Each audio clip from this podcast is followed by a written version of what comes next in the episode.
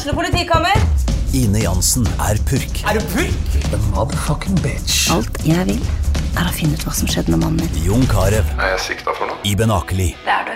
Ole So, Lars Berrum og Big Daddy Karsten. Hvem sin side er du på, egentlig? Anette Hoff, Tone Danielsen, Kommer du fra Afrika? Jørnis Josef, Nesten. Kløfta. Trond Espen Seim, Det er synd å si det, men det var feil mann som døde. Purk. Premiere tirsdag på TV2 Play.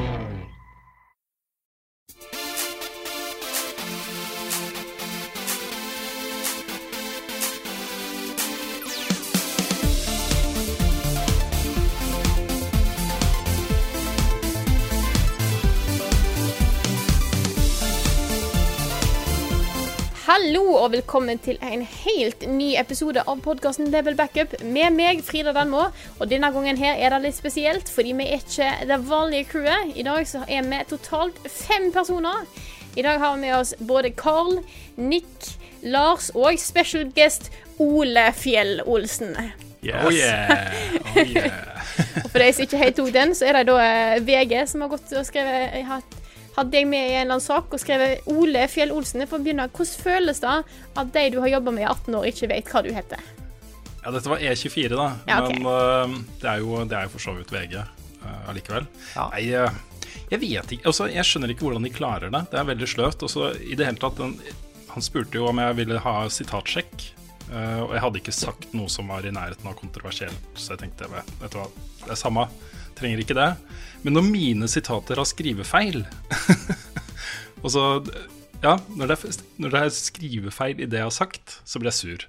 Men for Ole Fjell Olsen tenker jeg bare sånn ah, Det er bare morsomt, egentlig. Det er ikke de får, kall, kall meg hva, uh, hva de vil. Jeg syns det var et større problem at ikke det står hvor jeg var fra. Ja. Ja, det er Det syns sant. jeg var litt sånn teit. Men det er, også, Ja. det er også noe med det bildet. Fordi de bruker det bildet hver gang. Jeg synes det, Og det er nok det bildet av oss to der vi ser mest ukomfortable ut i verden. Oh, ja. Det er, jeg hater det bildet, bildet, men det er det de bruker. Ja, jeg hater det, men uh, jeg bryr meg ikke så mye lenger. Jeg er blitt så gammel, vet du. Ja. Så jeg liksom ja, herregud, jeg glemte i morgen. Ja da. Ja da. Men uh, dette her er virkelig hashtag gutta folks, altså jeg håper det går bra, Frida. Ja, Så, mye, så mye guttelus. Ja, ja, jeg vet det er, ganske, det er ganske fælt, egentlig, men jeg skal takle det. Eh, jeg, eh, jeg, jeg må konsentrere meg mye for å klare å holde meg eh, på plass her nå, nå når det faktisk er så mange gutter. Og guttelus er jo skummelt, så det er jo, vet vi jo. Mm. Mm. Men det er veldig gøy å kunne ha med så mange, både Nick og Lars, med som er gjest denne gangen. Det er kjempekos. Det er det. Mm. Og, og grunnen til at, hovedgrunnen til at vi også Altså, dere er velkomne når som helst, men nå har vi konkret liksom gjort en innsats for å få, det med, få dere med, og det er jo fordi dere har spilt de to mest aktuelle spillene denne uka her. Så, og ingen av oss andre har fått testa de, så jeg har liksom sittet og refresha og refresha på, på AppStore for å kunne spille My Child Lebensborn, som ikke er ute ennå, ikke sant? Nei, samme her. Det er så synd at de har slitt med Apple eh, på det der, altså. Mm. Jeg var veldig innstilt på å bare laste ned det på tirsdag og kjøre på, men det er fortsatt ikke ute. Jeg rønna det på tirsdag. Du gjorde Ja, det? for du spilte på Android? Mm. Mm. Det var ute Ah. tidlig på morgenen. Ok. Så du har fått spilt det? Men det er ikke, det er ikke jeg som eh, skal snakke mye om det i dag. Jeg tror det er en som er enda mer glad i det enn det jeg er. Lars? Mm. Ja, skal jeg bare begynne? Ja, vi kan egentlig bare sette i gang. Ja, hvorfor ikke? Ehm, ja, dette her er en viss sjanse for at eh, dere må tåle litt real, altså. Fordi dette her spillet her er uh, veldig Det er et tungt spill å snakke om. Um, så dere må tåle litt uh, reality. Så får vi heller bare klippe vekk når vi bryter sammen i full Jeg vet ikke, jeg. Men du, før vi, før vi kommer dit, Ja. bare ta, ta litt sånn der, eh, fakta. Hva er My, My Child Lebensborn? Hva slags spill er det? Hvem har lagd det? Hvor er det fra? Ja. Det er jo. Sarepta som har laget dette her, og det er jo fra mm, De fra Åh, hva heter det?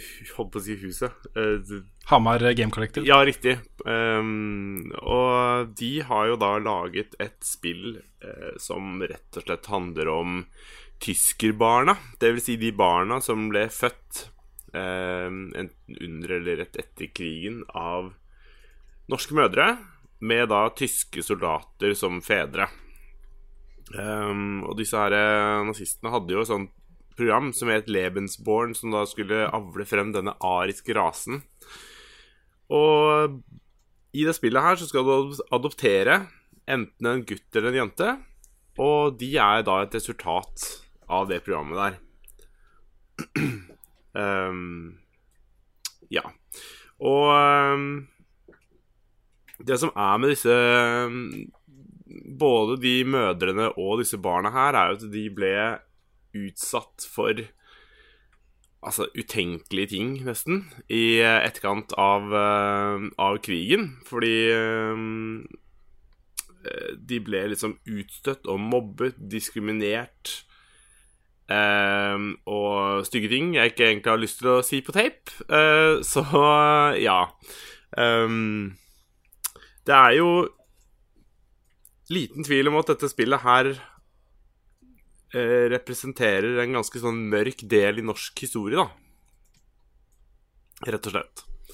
Mm. Og um, Men samtidig er det utrolig viktig, for det er ikke bare i Norge dette her har skjedd. ikke sant? Dette her har jo skjedd utover Skjedd og skjer utover i den ganske verden. Og um, når du kjøper dette spillet her, så går jo en viss andel av pengene til et sånn derre um, um, Herregud, nå har jeg glemt navnet på det, da. Men det er en sånn organisasjon som uh, skal hjelpe barn som er et resultat av krig, da. Um, War Child, Jeg har jo- et eller annet heter det. Jeg har jo fulgt litt den utviklinga her, og det har vært en ganske spesiell opplevelse å snakke med de folka i Sarepta om dette spillet. Fordi ehm, det virker som om, øh, for det første, at det er et, et spill som har vært veldig viktig for dem å lage. Eh, og for det andre så har de måttet gjøre ganske mye research. Uh, og det har liksom ført til at de folka ikke har hatt det så bra på jobb, da. Det er ganske tungt og trist. Um, og kjernen er jo at disse barna her er jo fullstendig uskyldige, ikke sant. De er jo um, Det at de var offer for den type behandling etter andre verdenskrig for noe de ikke kunne noe som helst for, Mm. er jo helt forferdelig å tenke på. Det er jo helt krise. Det er det. Ja, det er jo det. Og det er um, Dette er jo historier hentet fra, fra virkeligheten. Og scenarioer og ting du opplever i spillet, har de altså da pratet med disse tyske barna som nå ikke er barn lenger. Um, eller i hvert fall de som lever, så vidt jeg har forstått. Og um, det er noe med det at du veit at det som skjer her, det, det har skjedd. Ikke sant? Og det, det gjør det bare Det gjør det for real, altså. Og jeg hadde det så vondt når jeg spilte dette spillet her, samtidig som jeg ble helt utrolig liksom sånn forelska i, i karakteren du skulle passe på. Og ansiktsuttrykkene, følelsene, alle disse tingene her, de bare Jeg har aldri opplevd i noe spill at noe griper meg på en sånn måte som det spillet her har gjort. Og det er, helt, det er nesten umulig å forklare hvordan det, det går an at det skjer. Du må nesten oppleve det selv, tenker jeg. Um, ja. Men du, hadde jo, du, hadde, du har jo opplevd det, Frida. Ja. Hva syns du? Det er, en, eh, det er en grunn til at jeg ikke klarte å legge det fra meg hele tirsdag, at jeg kommer gjennom det i løpet av en eh, dag. Eh, Det er en veldig Det som lar seg en veldig sterk opplevelse. Du tar jo vare på denne ungen her, og vil jo bare at den skal ha det bra. Greit at jeg sitter der og liksom prøver å min-maxe litt og passe på at han alltid har mat og sånne ting, men så sitter jeg bare sånn her Nei, nei. Du kan ikke jeg, jeg føler liksom OK, nå skjer det. alt Ting er for bra. Hva er det som skjer her nå, liksom? For det er så det som skjer med ungen, er jo helt forferdelig underveis. Uh, oppleve at uh, andre barn ikke behandler ungen fint og sånne ting. Og da også prøve å forklare til en, til en unge, da, hvorfor dette her skjer. Hvorfor de andre ungene oppfører seg sånn. Eh, prøve å forklare alle de begrepene som disse ungene kaster mot kidden. Alt fra altså n- Altså prøve å forklare hva er nazisme. Hvem er Hvorfor Hvorfor blir personen støtt ut, liksom? Det er ikke Det, det er vanskelig, vanskelig valg, og jeg vil jo bare at eh, eh, Du får en veldig sånn omsorgsfølelse for denne eh, For denne ungen. Så jeg har lyst til å på en måte være rettferdig med han, fortelle hva det er som skjer, prøve at, liksom, at ungen skal få en forståelse av hva som skjer, men det er en forferdelig virkelighet. Og så der å prøve å forklare det til en unge som ikke er spesielt gammel, og som egentlig bare er glad og lykkelig og ikke skjønner hvorfor noen skal behandle behandle, behandle sånn, liksom. Mm. Det er jo en sånn todelt ting, dette her. fordi For det første så er det viktig å på en måte dokumentere uh, hva vi som nasjon har gjort. Altså, det, det er viktig. Uh, vi må lære av historien. Men den andre siden av det er jo eh, den empatien som et sånt spill kan og bør vekke hos folk. Fordi hva om det hadde vært ditt barn, eller mitt barn? Eller hva, hva om det hadde vært noe annet? Altså Det må ikke være at de er født av tyske soldater. Eh, Det kan være hva som helst. ikke sant? Hva om mine barn kommer hjem og forteller meg at de har det fælt på skolen eh, av en eller annen grunn? Altså den Spill som dette her, og opplevelser som dette her, må vekke den empatien, ikke sant? Men det handler òg om hvordan vi Når vi tenker om det, så handler det om hvordan vi snakker om andre. Fordi at eh, Det er greit at det er en del voksne som behandler disse ungene fælt. Det er jo helt Det skjønner jeg ikke. Eh, og så eh, Men så er det jo barn på skolen til denne ungen her som òg behandler personen fælt. Da. Jeg tenker at unger i seg sjøl skjønner jo ikke hvorfor et tyskerbarn er en feil Altså en Altså er, er en fæl ting, da, sånn som de voksne oppfatter det. Eh, Så ungene sin oppførsel jo, har jo bare vært et resultat av hva de voksne har sagt. Mm. Sant? Det akkurat handler det litt om som hvordan en faktisk eh, snakker om andre personer. Mm, det er akkurat det som er problemet. Og det er en av disse Det, det, det er her det kommer frem veldig mange temaer rundt liksom det med empati og mobbing og det å på en måte ta vare på hverandre og sånn, som gjør det spillet her til noe veldig mye mer enn bare akkurat eh, Akkurat det med at de er resultat av krig og så videre. Og det Det gjør det, det sier noe om hvor mye Hvor mye et hat liksom sprer seg, da fra hvordan voksne kan påvirke barn, og hvordan det liksom bare fører med seg masse dritt, liksom. Og det er ikke sikkert barna, som Frida sier, de skjønner, er ikke i nærheten av å skjønne hva som egentlig er problemet her. Du ser at barna er jo i utgangspunktet venner. Det, han har jo, han eller hun du uh, passer på, har jo venner i starten. Og det er jo etter hvert at disse vennene faller fra, ikke sant? Ja, det er, ikke, det er ikke vanskelig å overføre dette her til situasjoner som er litt mer moderne. Eh, bare generelt liksom fremmedfrykt og ting som også barn opplever nå. Da. Mobbing. Mobbing, ja, mobbing, mobbing og ja, den fremmedfrykten som fins fortsatt i samfunnet. Altså er, De klarer å treffe utrolig mye forskjellige ting, syns jeg, da, med det spillet her. Og det er det som gjør det så fantastisk og gjør hele opplevelsen så utrolig sterk. For jeg, jeg må si at eh, selve stilen elsker jeg. Den er helt perfekt. Og det at det var litt sånn 3D-effekt på det i tillegg, gjorde det enda bedre.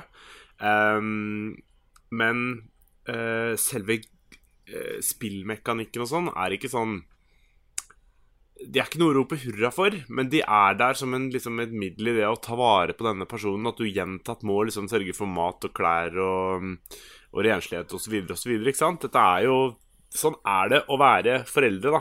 Spør Rune, ikke sant. Hvor mange ganger må du skifte bleier og truse? Du kan ikke gjøre det bare én gang én dag, og så er det sånn Nei, nå orker jeg ikke mer, liksom. Det er sånn derre så, så Ja, jeg har inntrykk av at du kunne åpne appen og så kunne velge når du ville skifte bleie på barna. ja, Ikke sant? Ikke, ikke sånn? Nei. Nei, men, men poenget mitt er, er det at eh, ja, likevel så klarer den historien og måten den er skrevet og fortalt på, den, den treffer så utrolig godt. Jeg har aldri opplevd noe lignende. Og jeg opplevde noe i nærheten når jeg spilte Night in the Woods. Um, men dette her er Og det var jo bare tekst også. Ehm, ikke noen valgmuligheter og sånn. Og her var, det, her var det enda sterkere, rett og slett. Ja. Ja, Det virker som de har uh, gjort noe bra her, Sarepta. Også. Mm. Uh, du, det beskrives jo som et, et litt sånn uh, voksen Tamagotchi, Mm. dette her. Det er tilgjengelig på Android. Det skulle vært tilgjengelig på, på IOS også. Ikke kommet ennå, men Nei, de sliter med å få godkjenninga fra Apple, da. Ja, rare greier også. Ja, det er utrolig kjedelig for dem. Jeg bare håper ikke at det kommer til å ødelegge noe for liksom, hvordan, interessen for det for folk, da. Ja. Um, ja. Så- Ja, men Det blir spennende å se hvordan Sarepta gjør det. Det er liksom Games for change er en ting, og det er eh, Det er hyggelig å se at, eh, at eh, det ikke bare handler om lootboxer og mikrotransaksjoner og action og gøy, liksom. At uh, det lages ting som er viktige også. Mm. Det er sant, det. Spill er jo i en veldig sånn unik posisjon med det å uh, oppfordre til empati, tenker jeg da. Mm. Bare det at det er så interaktivt, det at du faktisk blir med å ta valg for en figur. Det er liksom, Du Dette kan er- ikke fortelle den type historie i en film eller i en bok eller alt annet. Nei. Altså Det spillet her burde jo bli pensum på skolen. Mm. Yes! Ikke sant? Bare, bare tenk deg både det historiske, men også de diskusjonene vi kan ta etterpå. da Med overførbart om generelt hvordan vi tar vare på hverandre og behandler hverandre. ikke sant? Mm. Mm. Det, vært, det, det må bli pensum.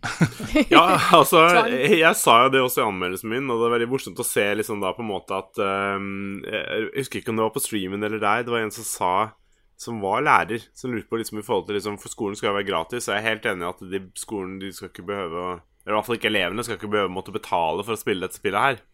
Um, Ja, men her fins det jo midler ikke sant, fra, fra utdanningsmyndighetene. Ja. Og det er sånn La barna liksom gjøre et prosjekt ut av det. For i, I en eller annen form. Og så bruk dette her, og la barna spille dette her over, over tid. Og bruke en uke liksom, hvor de har tid på seg til å spille dette her. Og så, og så og tenk gjennom det. Lag gode oppgaver, samtaleemner, eh, forum osv. osv. Eh, altså mulighetene, tenker jeg da, er liksom ganske store for at du får til noe som, som kan være ja, så rett og slett ikke mulig å få til ved å bare sitte og høre på noen fortelle, eller høre på Eller se en film, da, som Carl sa. Det er interaktiviteten her som Selv om den er minimal på en måte, så er den utrolig virkningsfull. Ja, og jeg husker jo sjøl sånn da, da jeg gikk på skolen, så var det de, de timene jeg fikk mest ut av det, var de der gruppediskusjontimene. Hvor hele klassen bare satt og diskuterte et tema, ikke sant. Mm. Det var ikke noe pugging, det var ikke noe monolog fra læreren. Det var liksom bare et sånn åpent sted hvor man kunne diskutere noe alvorlig da, eller noe viktig. Ikke sant? Så det er jo det spillet jeg er perfekt for. Ja. Jeg, jeg, tror vi, jeg tror vi må hoppe litt videre. Jeg tror det, jeg òg. Eh, begynner å se det. Men jeg tror vi skal hoppe videre til et annet norsk spill. Ja, sånn Apropos action og underholdning og moro, liksom. Ja, ja fordi at, fin, eh, fin Segway inn i Veldig neste fin norske spill. overgang. Ja. Men Nick, for du har jo spilt uh, Conan Exiles. Det har jeg. Yeah. Og det, det er et sånt Det, det er et survival-spill satt i Conan-universet.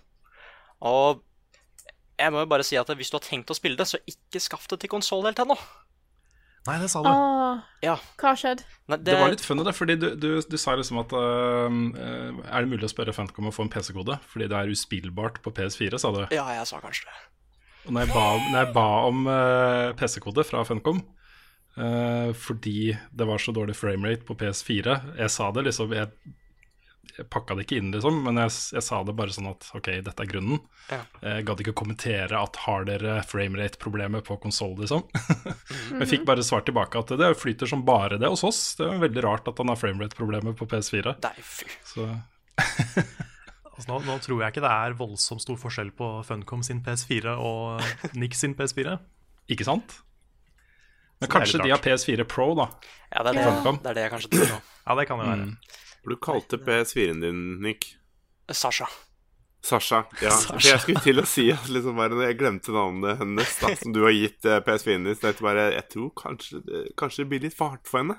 Ikke sant? Ja, det var litt for mye for Sasha. Nei, det var eh, Spillet sleit med liksom å komme opp til 15-10 frames per second, ikke sant? Og jeg, og jeg, tenk, jeg tenkte at spillet krasja hele tiden når jeg var ut, utafor det tutorial-området. og det, det var liksom ikke mulig å spille da, hvis du kom i combat eller skulle samle ressurser eller noe sånt. Du måtte se inn i fremtiden for å vite hva du skal gjøre, fordi det droppa så mange frames. Men etter at jeg fikk PC-koden, så var det flott. Jeg har spilt i sånn 17-18-ish timer nå. Ikke verst. Ja, og jeg koser meg skikkelig. Det er eh, Så bra. For jeg, et av mine favorittspill er jo Terraria. Og jeg føler at det spillet her har eh, klødd min Terraria-itch, da. For, for det, er, eh, det, er- det er en blanding av Hvis vi tar Rust og Terraria, da. Det er en sånn blanding der. For det som er kult med det, er at det er eh, Spillet handler om at du lager en, du lager en criminal. Du har gjort et eller annet eh, offscreen. Alle får en sånn tilfeldig straff de har gjort. Jeg hadde blant annet eh, Jeg hadde assassinata en merchant og bryte i den fjerde veggen, jeg, da. Og da, ja, og, og da blir du sendt til The Exiled Lands. Men før du holder på å dø der, så dukker Conan opp og bare 'Halla, dead man'. Jeg skal hjelpe deg, ja. men du er nødt til å overleve i landet aleine. Og det som er veldig kult med det, er at det, er jo For det første, du kan spille en, dette survival-spillet singleplayer og co-op uten å tenke på andre spillere og sånn. Det likte jeg veldig godt. Men det som er kult, er at eh, i alle andre sånne survival-type spill, som Rust og Ark og sånn, så er det at alle sammen starter rundt omkring på en øy, ikke sant? Og så er det om å gjøre å ha kontroll på de, de stedene på øya. Men i Conan, og det er derfor jeg sier at det er litt mer sånn som Terraria, så starter alle sammen sør. Alle sammen starter i ørkenen, og så er det meningen å komme seg nordover i spillet. Jo lenger nord du kommer, jo flere fiender dukker opp. Vanskeligere, ja, vanskeligere fiender, bedre ressurser, ikke sant? Så det er liksom et stort mål i spillet er bare å komme seg så langt unna ørkenen som mulig, da. Stilig design, altså. Ja, ja. Og, og så er det sånn at du kan liksom Du kan finne små dungeons rundt omkring. Du kan dra til der hvor det snør, eller en annen type ørken, jungelbiome. Det er, det er world-bosser rundt omkring, da. Det, det, er utrolig godt designa. Og så har de gjort så mange smarte valg med det der survival-formatet, som jeg skal snakke litt mer om i anmeldelsen. Men jeg, jeg digger det så langt, altså. Så kult. Mm. Nice. Så det er litt sånn liksom- eh, Litt sånn sandbox, uh, Terraria Rust-type spill blanda med litt MMO, kanskje? Ja, det er litt sånt. For det er sånn, du kan fortsatt møte på andre spillere som du kan drepe og ta lut etter og sånn, men det er mer Det føles veldig mer ut som at du har et ordentlig mål, da, enn å bare overleve. Du skal liksom klare å komme deg helt til slutten av kartet. Som er sånn derre Det starter med ørken, så tror jeg det slutter med noe sånn vulkan, utenomjordiske greier, for det er så mange mytologier i Conan-universet. Du har liksom norrøn mytologi, og du har sånn eh, Lowcraft-mytologi og sånn. Det er mange mytologier og mange bosser og enemies som er designa rundt det. Mm, så det er veldig sånn variert design på det. And I love it. Jeg har hatt en ganske god følelse for den lanseringa her. Eh, Det sa jo også han Ole Fjell Olsen, sa jo det til E24. Ja, at eh, Funcom har jo bobla litt over de siste ukene. Og vært veldig, sånn, hatt veldig selvtillit på spillet og på lanseringa og sånne ting. Eh, Ikke vært noe sånn der nervøs, eh, litt sånn halvtafatte forsøk på å fortelle folk at det kommer og sånt, men veldig sånn mye humor. De der eh, TV-reklamene deres er jo dritbra. Eh, Med Conan som setter sammen Ikea-møbler. eh, Tørr tur og sånne ting. Så det har vært mye, mye sånn gode vibber fra Funcom. Um, og de har vel sagt at de har vel lagt til noe sånn rundt 40 nytt innhold. Kontra det de hadde på Early Access-perioden. Så det er massevis av nye områder og fiender og ting og tang liksom i spillet. Det er bra. Så jeg mener de har gjort en helt perfekt Early Access-lansering. uh, ved å for det første ha liksom 30-40 oppdateringer av spillet underveis. Uh, veldig god dialog med de som spiller det.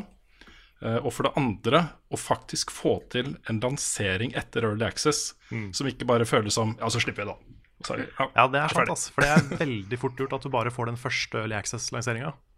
Ja, Det at det faktisk også, føles som en, en lansering på nytt, Mm. det er veldig sjelden. Ja, så kommer det masse nytt innhold underveis. Sant? Litt her og litt der, og en patch der. Og så er det sånn Ja, den patchen her, det er lanseringen. Ja, ja. Du fikk en ny stol. Ja, så er det bare versjon 1.0, liksom. Ja, Ja, ja. Du hadde bare ørkenen på starten, men nå er det snø og lava og jungel og sump og sånn. Kult. Mm. Og kan jeg si en ting som er litt sånn kult med det? Som de gjør mye bedre enn andre survival-spill? Nei. Nei, åh, skjønner. Der gikk eh, grensa.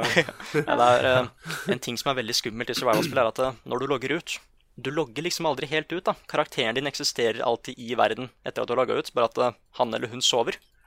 Og da Det kan være litt skummelt, for da kan jo andre spillere ta basen din, ikke sant? Men det du kan gjøre i, eh, i Conan, fordi du er jo en barbarian, ikke sant? Så du kan finne andre NPCs og, og skaffe slaver, da. Du, du kan rett og slett Eller thralls. Thralls? Thralls? Trall? Trolls. Ja. Trolls, ja. ja. Du kan skaffe slaver, og så kan du gi de forskjellige jobber, som å enten lage ting mens du er borte, eller passe på basen din. Nice. Ja, Så nå har jeg skaffa to slaver som ja, passer på basen min og lager noe Jobber litt med lær og litt sånn, da, mens jeg er borte. Nice. Jeg har, eh, jeg har eh, liggende en eh, kode til meg selv på PC eh, av dette spillet. her. Jeg, har, jeg er veldig nysgjerrig på det, jeg har lyst til å teste det, men det er liksom litt tiltak, da. Men uh, jeg tenker at en gang, Nick, så skal du få jobben med å være min guide Ja, jeg, jeg kan gjennom Colin. Exiles. Ikke sant? Mm. Min kone. det er kjempebra. Vi snakka om God of War at uh, hvis vi skulle anmelde det samme, så skulle jeg være Kratos og du er Treyas. Nå blir det liksom omvendt. Du er konen, og jeg er den derre duden som henger på kors, korset, liksom. Ja, men, men det er jeg med på. Ja, det er. Ja, nei, for jeg er nysgjerrig, altså. Jeg kan, jeg kan se for meg at dette er sånn spill som man kanskje kunne mista Rune til. Sånn, I hvert fall med tanke på at du ble såpass opp, eh, opp, eh, Slutt. oppslukt i, i Minecraft. Mm. Ja, nei, det kan hende. Egentlig så er det basebygginga som appellerer minst til meg i Conan Exiles. Mm. Det er mer den derre utforske fremmede, fremmede miljøer og Når du sier dungeons og bosser og sånt, det er det som trigger meg, da. Ja, og jeg ante ikke at det var sånn. Jeg trodde det bare var en vanlig Rust Ark Survival-greie, Mm. ikke sant? Men her er det mer sånn at eh, i Rust, ok, nå skal jeg ut og samle ressurser og håpe jeg overlever. Mens i Conan så er det sånn, ok, nå skal vi prøve å utforske det nye snøbiomet, da. Eller finne noen worldbosser eller treasures eller et eller annet sånt. Mm. Og det er kult. Det er akkurat som Terraria. Bare i 3D. Det er sant. Ja. Og Conan. Fett. Mm. Men uh, har, du lyst på en siste, siste linje om konen før vi hopper videre? Det kommer en anmeldelse, altså. Nice. E- Etter nice. gud vet hvor lang tid, for det er ganske stort. Vi har eh, Ja, Rune skal få lov til å fortsette, for du òg har litt å snakke om denne gangen her. Ja da, massevis. Eh, Jeg må begynne med det som jeg ikke skal si så mye om. Fordi eh, jeg, jeg fikk jo til slutt den der labopakka fra fra -hmm. Nintendo. Eh, Den ligger fortsatt pakka ned, fordi nå venter jeg på en, et, eh, en mulighet til at begge ungene er med på å være med på å pakke den ut og sette sammen disse tingene. For jeg har lyst til å få det på video. Eh, Og det har ikke skjedd ennå. Men nå skal vi eh, ha mye tid for oss selv i helgen. Kona er eh, på ferie med en eh, venninne i Paris. Så da er det ingen som eh, står og maser om at vi må komme oss ut i sola og sånne ting. Så da får vi gjort en del sanne greier da, i helgen. Eh, men vi har begynt å spille Donkey Kong Tropical Freeze. Det vet jeg ikke om er en god idé. Eh, de har vært så gode venner når de spiller Minecraft sammen og um, eh, Kirby sammen. Og Mario Kart. Men her var første gang på lenge det virkelig begynte å krangle uh, når de spilte. Så Er det, fordi, kan- er det fordi hvis én gjør en tabbe, så lider begge av det? Nettopp. Det er akkurat derfor. Ah, shit. Akkurat derfor. I eh, Kirby var genialt der, altså, fordi der kunne du bare ikke delta. For det er jo to Hvis det er to stykker som spiller, da, så har de med to MPC-er også. Eh, Så da, hvis én står i et hjørne og ikke gidder å være med på kampen, så gjør ikke det så mye, for de tre andre klarer nok å hamle opp med fienden likevel. Men her er det sånn, du, du blir bare stående. Kommer deg ingen, ingen vei videre, med mindre begge samarbeider godt, da.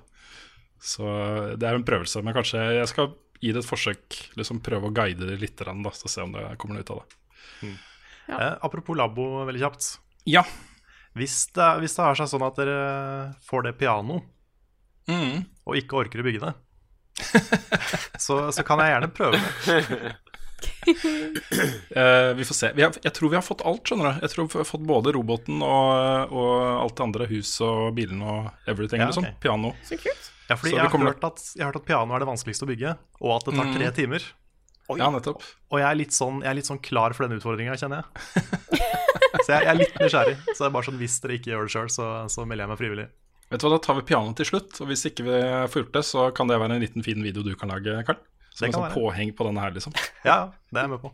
Kult, kult. Det jeg har brukt eh, eh, tid på denne uka her, som, uh, som er mer ak aktuelt å snakke om, det er jo Destiny 2 Warmind, som er den andre delscenen til Destiny 2. Den kom nå på tirsdag. Og jeg, det var litt morsomt, jeg fikk det spørsmålet på mandag, tror jeg. Nei, tirsdag fikk jeg spørsmål fra noen før eh, det lansa klokka åtte på kvelden. eh, fra en eller annen om, at, om jeg gleder meg da, til, uh, til Warmind. Det var sånn Ja, det gjorde jeg, men jeg hadde begynt å glede meg på tirsdag. Jeg hadde Ja, liksom ikke tenkt noe på at det kom, eller noen ting, og jeg føler meg litt ferdig med Destiny 2. Uh, men på tirsdag tenkte jeg vet du hva, det blir gøy med nytt innhold. Og nå har de gjort masse da, uh, som svarer på all den kritikken de har fått. Uh, Gikk de ikke ut med en Twitter-melding der de sa beklager? Det er en av designerne på teamet som, eh, som skrev et, innlegg om eh, nå kommer liksom Warmind, og dette er nytt, og dette blir fett, liksom. Og så var det en som svarte bare nei, jeg gidder ikke å komme tilbake fordi Destiny 2 er dritt.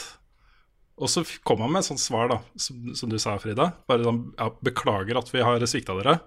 Eh, vi jobber så godt vi kan nå for å få fiksa dette her, og håper at du eh, finner en grunn til å komme tilbake enten nå eller til Comet-utgivelsen til høsten.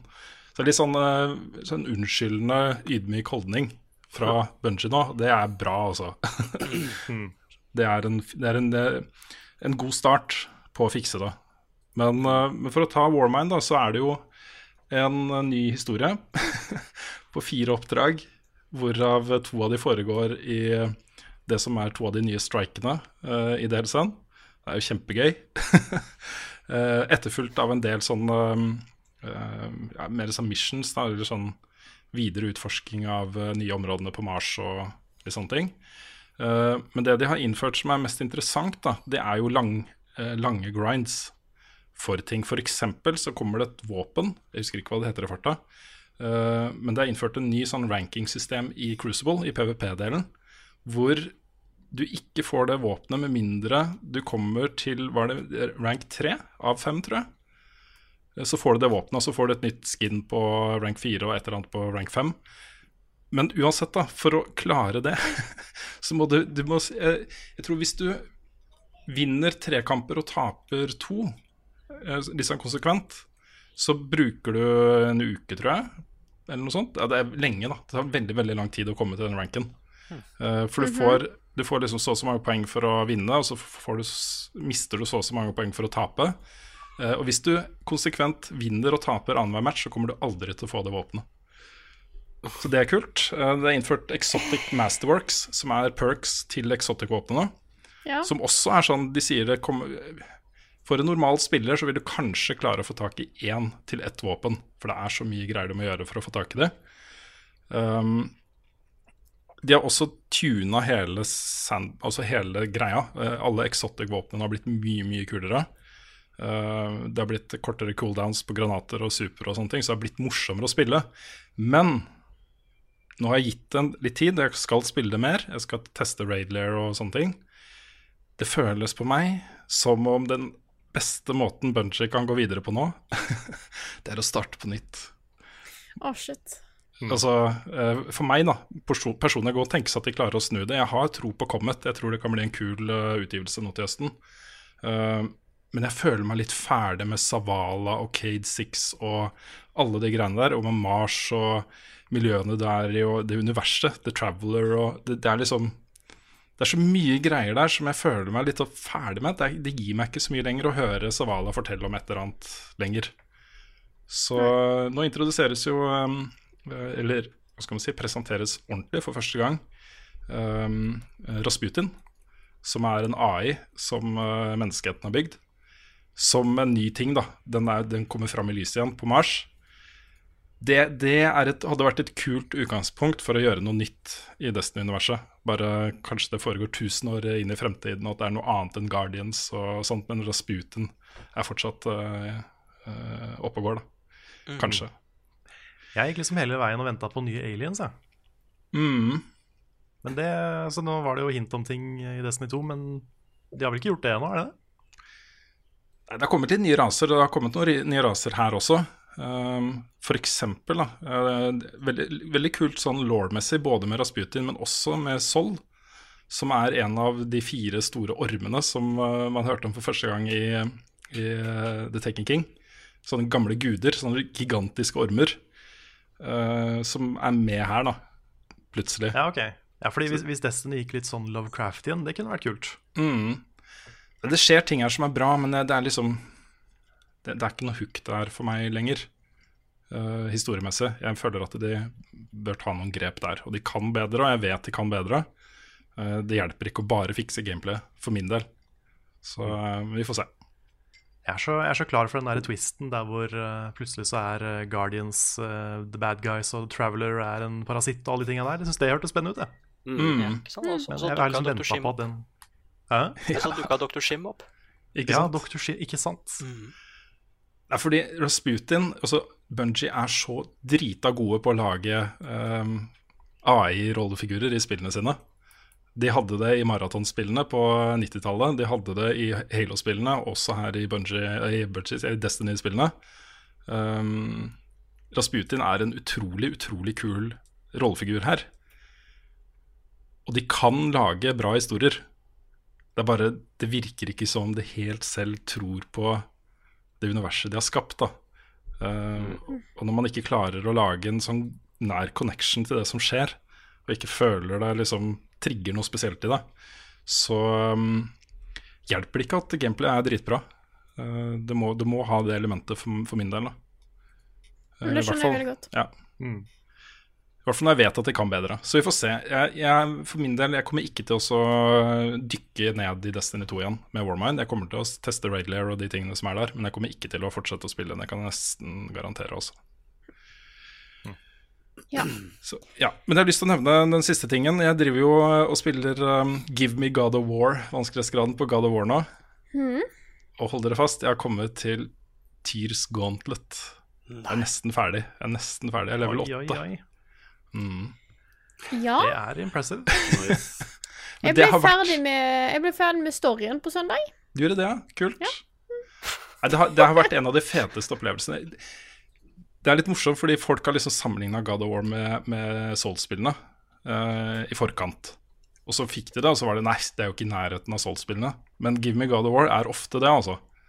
Det er litt den samme liksom, planlegging av kamper og posisjonering og, på slagmarken og valg av uh, våpen og fremgangsmåter, liksom. Ja, jeg eh, syns, jeg syns Souls er veldig mye lettere enn Give Me God of War. Ja, det det skal sies at Give Me God of War er ekstra vanskelig på starten. Det blir lettere. Okay. Når du får litt runic powers og kommer deg litt opp i level.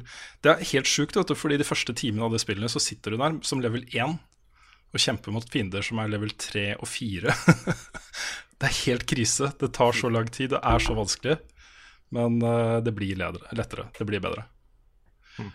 Og så har det kommet photomode til God of War. Det er kjempegøy. Ja. Er Ja, jeg har sett bilder. Det er, sånn, det er gøy, men det ser også litt sånn malplassert ut i det spillet, føler jeg. Jeg er veldig glad for at ikke det ga det ut til lansering. Jeg er veldig Ja. glad for at det kom nå. Det er veldig riktig å gi det ut en stund etterpå. Jeg syns det er helt greit at, for at på måte, nå har eh, internett har hatt det veldig gøy med, med Boy. Med Boy ganske lenge. Og jeg tror med den selfie-moden her nå, holdt jeg på å si, fotomoden, så kan det komme opp en del morsomme ting igjen. Jeg så forresten en morsom video det på, eh, som tok opp, der det er voice-actoren til Kratos som leser dad jokes. Oh yes. Den var veldig, veldig morsomt. Polygon er som hadde fått han til å lese de greiene her. så satt det da til senere Mm. senere i spillet. Det var kjempegøy, altså. I don't like stairs. They're always up to something. Ja, det var ikke. Men jeg ser at nå begynner ting å bli litt, eh, litt langt her. Det er, sånn- vi er jo eh, nesten dobbelt så mange som vi pleier. Sånn at eh, Carl, du får eh, fort Ja. oppsummere hva du har spilt. Jeg skal være veldig kjapp. Da passer det veldig bra at jeg har spilt fem spill. Å nei, men i svarte. Jeg, skal, jeg har spilt, uh, jeg har spilt Megaman 1, Ja. og jeg har spilt Megaman 2. Og Megaman 3. Kan Og Megaman 4. Ja, er, Og Spy Party. Så jeg trenger ikke å snakke så mye om Megaman, for jeg jobber med, jobber med litt sånn videoting. ja. Tenkte jeg skulle lage en liten sånn eh, Megaman 1-6 klassiker-bolk-ting. Nice. Nice.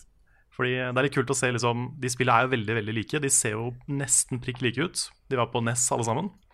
Men det er kult å se liksom hvordan de har utvikla seg på andre ting. Sånn treeren så kom den der dashen, og i fireren så kom charge. eh, Det er liksom sånne små ting, da. Mm. For det er seks seks spill på samme konsoll, er heavy.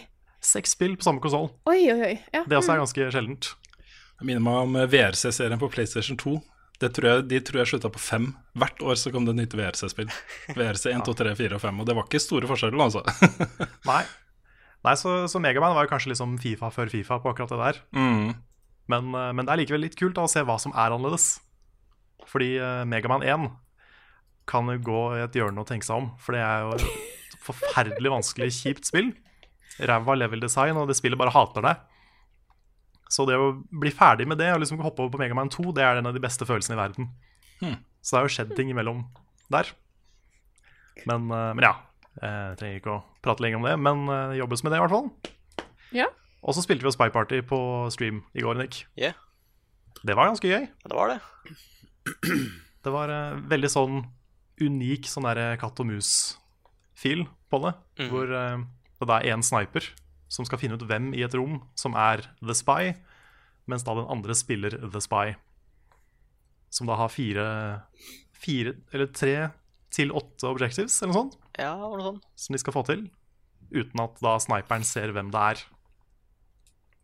Og det var et veldig stilig konsept. Fortsatt i Early Access, så jeg er spent på om det kommer noe mer, noe mer sånne moduser og sånt til det. Fordi eh, det var litt, litt tynt kanskje med bare den ene moden.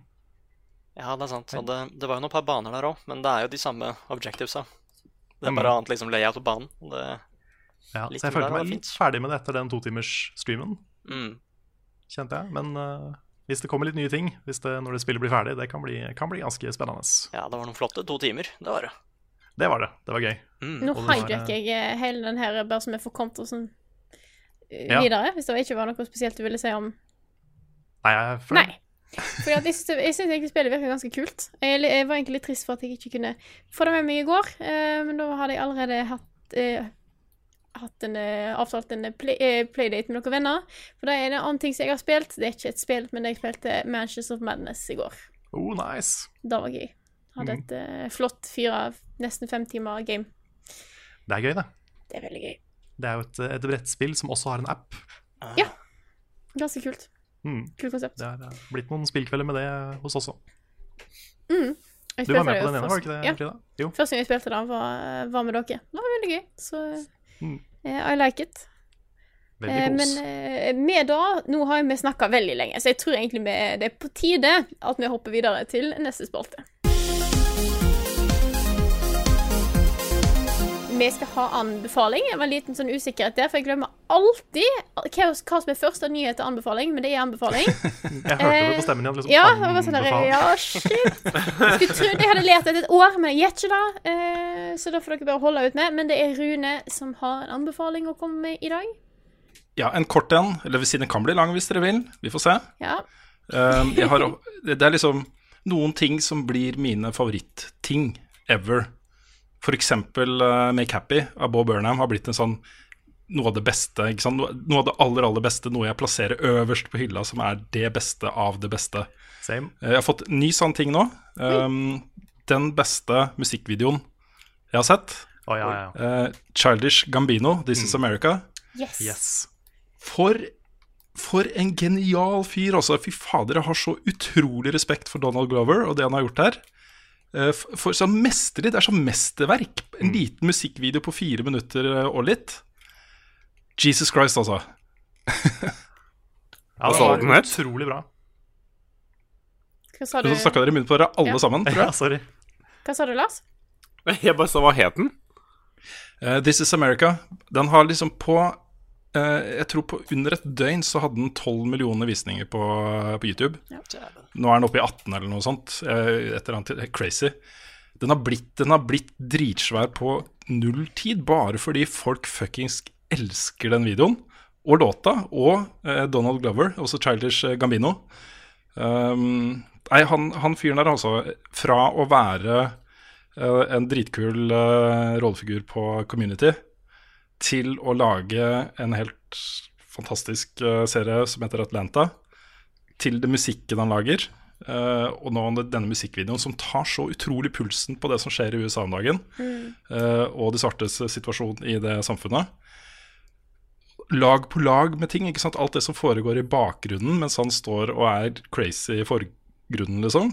Fy fader, altså. Det der er kunst. For Det hvis, kunst. jeg, ja, for hvis dere på tenker at, og ikke sett den her, tenker på sånn Å ja, det er sikkert bare en fancy artsy musikkvideo med litt sånn kule, kul film og sånt. Dette her er en viktig låt, egentlig, for, for å vise hva USA, hvordan ting er i USA i dag. Mange visninger hadde den, eh, sa du? Eh, Sist jeg så, så tror jeg den hadde 16 millioner. Ok, for den har 65 millioner. Ja, ok, greit. Um, Det er ikke mange musikkvideoer på YouTube jeg vil si fortjener så mange millioner views, men den her, den, den gjør det. Jeg tror folk ser den om igjen og om igjen. Det er, det er noe med måten den er laget på, og måten uh, Donald Glover er i den videoen. Skal jeg kalle den Childish Gambino siden det er musikk? Det er liksom det han heter når han lager musikk. Du kan jo ikke. på en måte gjøre det, men det er jo samme fyren. Eh, men det er hypnotisk. Man klarer ikke la være å se. Også det er et eller annet som gjør at du trekkes inn i den og blir der på en måte, og går og tenker på det etter at du har sett den, og så ser du den igjen, og så legger du merke til en ny detalj. Og så, den er bare Ja, se den, altså. Mm. er hvis du da tenker at eh, du vil høre musikken, pass på at du også ser videoen. Ja, Ja. du kan ikke bare høre sangen. Da skjønner du ingenting. Det er en glede å fortsette å bare gi ordet videre til Rune, som skal fortelle hva som har skjedd i, i spillmediet de siste dagene.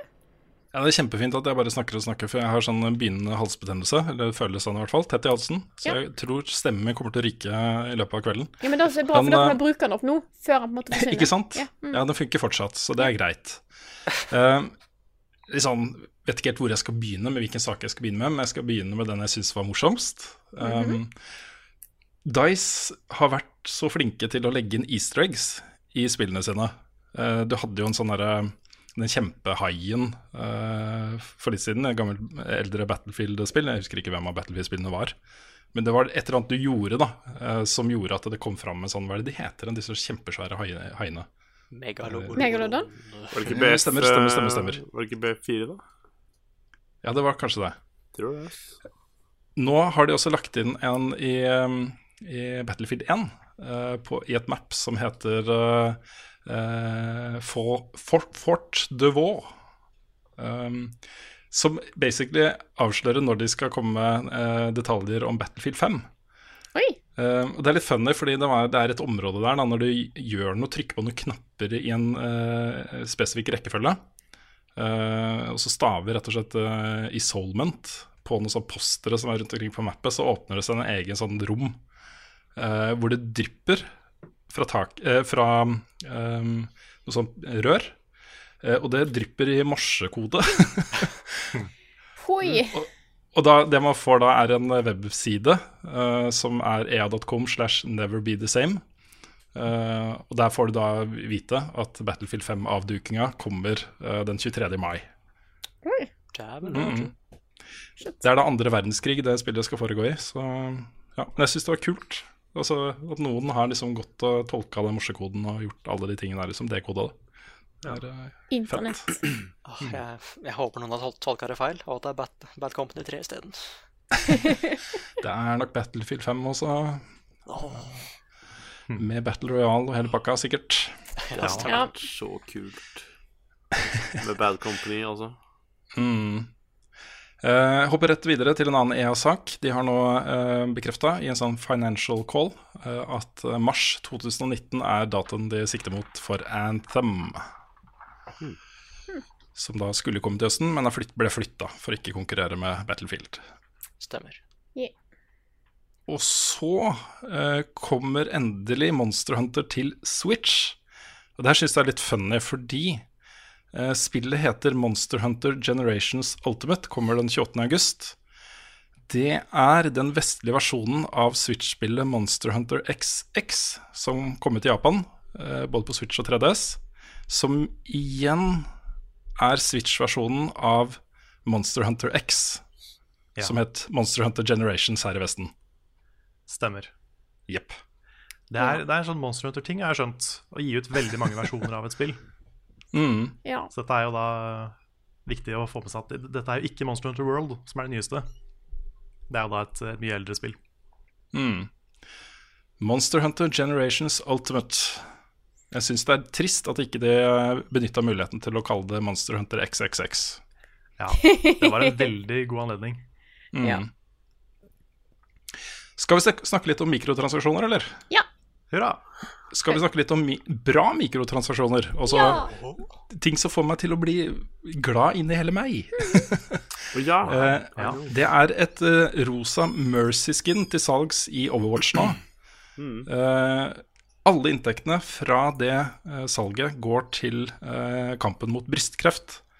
Eh, og skinnet koster ca. 150 kroner også. Det er mye er, penger. men det er en utrolig kul måte å ehm, drive veldedighet på, syns jeg. Jeg er helt enig. Rett og slett. Folk er glad i skins. Og folk, mm kan- hvis du kjøper det, så viser bare sånn Jeg har faktisk gitt 150 kroner til veldedighet. Se på meg, jeg er rosa. Yeah. Og det er en Mm. skin nå. Ja, det er det. Ja, Og da er det jo ikke en mikrotransaksjon lenger heller, på en måte. Da er det en megatransaksjon. Det er en megatransaksjon, det er helt sant. Ja, ja det er, det Nei, er men det syns jeg var en, eh, en kul måte. Så kanskje det er det spillindustrien kommer til å gjøre nå. Bare legge inn sånne fine mikrotransaksjoner her og der, sånn at folk blir mer positive til det sånn overall. Og så kan de bare kjøre på. Ja, det var en måte å gjøre det trist igjen. Ja, for det er jeg Altså, jeg frykter jo at noen kommer til å se bare sånn Hei, her er det mye bra PR. La oss sette opp sånn La oss si at alle våre Så mange prosent av alle våre mikrotransaksjoner går til veldedighet, sant? Da er det sånn det er penger til oss, og det er penger til deg, og så blir alle glad. Jeg er redd at dere vil ta den eh, retningen der. Det er veldig hyggelig når alt går til veldedighet, for da er det sånn der Vi skal ikke tjene på noe, noe på dette her akkurat nå. Altså selvfølgelig god PR, eh, Mm. men eh, Ja. Jeg, Nei, jeg, liker- føler jeg ikke, liker- jeg føler ikke at, uh, at Blizzard gjør dette for god PR. Jeg føler at de gjør det fordi de har so- social conscience. Ja. Uh, at man tror på det. Også sånne veldedighetsting blir så kleint med en gang du føler at dette handler ikke om veldedighet, det handler om eksponering og sånne ting. Men har ikke Blizzard hatt sånne ting før òg? Til, eh, til ting i Wow? Ja, det stemmer.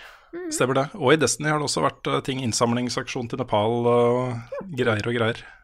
Så ja. Men det var det jeg hadde for nyhetsspalten denne uka her. Ja, Kan jeg eh, ta opp en ting? Ja. Absolutt. Fordi podkasten er jo ikke i fare for å bli lang i dag. Siden vi er Nei, presentasjoner, så jeg tenkte da kan jeg bare, jeg- ja. bare peise på til nyhetsspalten. Ja, men jeg Ja, fordi det har, kommet, det har kommet fram at eh, en som ikke hadde pressekonferanse på E3 i fjor, men som skal ha det i år, er Square Enix. Oi, holy shit. Og det er eh, et par år siden de hadde. Mhm. Det er vel 2015 var forrige gang. Men det tyder jo på at Square Enix har en del kule ting å vise fram. De jobber jo med uh, Final Fantasy 7 Remake. Kingdom Hearts 3 går det rykter om at skal komme i år. Mm. De har sagt at de jobber med et Avengers-spill. Oi. Ja vel. Og eh, hvem vet, kanskje Yoko Taro dukker opp. Altså, det er veldig mye som kan skje ikke sant? i en sånn greie. Jeg tror det skulle være en pre-recorda video. Ja, det hørte jeg også. Og det er jo bra, fordi den pressekonferansen de hadde, var ganske kjedelig. det var egentlig bare veldig gamle menn som sto på et sånt podie og prata, og så var det noen trailere. Åh, tenk om de har pre-recorda, da, men så er det helt likt som det. Ja, det Bare er gamle menn som står på et podium og snakker, liksom. Det er jo mulig. Ja. Men jeg håper, altså Square Enix er jo liksom De har jo laga mange av mine favorittspill gjennom tidene. Uh, de fleste av de da de fortsatt het Squaresoft. Men, uh, men det er litt kult, syns jeg, at de, at de skal kjøre på i år. Mm. Vet vi hva dag det er, eller er det bare går det rykter under fortsatt? Jeg tror det er mandag. OK. Mm. Uh, mens vi er inne på det, så kan vi også nevne da at eh, vi skal jo kjøre live eh, fra alle de store pressekonferansene. Da er sikkert også inkludert Square Enix, hvis det passer. Eh, under årets setere. Og vi begynner sendingene våre på lørdag 9. eh, juni.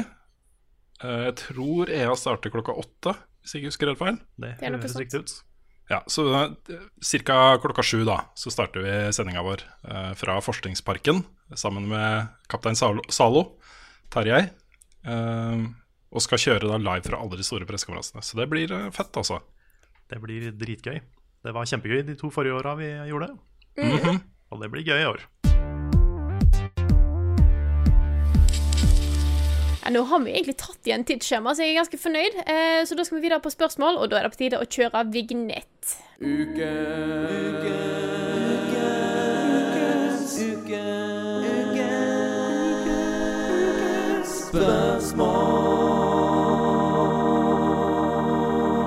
Ja, ukens spørsmål kommer fra Christian Templen Grave og skriver Hva tenker dere om collectibles i storyfokusert singleplayerspill? Er det utelukkende noe positivt som bare legger til mer innhold i spillet, eller føler dere òg av og til at det river dere ut av selve spillopplevelsen eller flyten i historien? Han skriver sjøl har jeg hatt litt problemer med dette tidligere, spesielt i Horizon.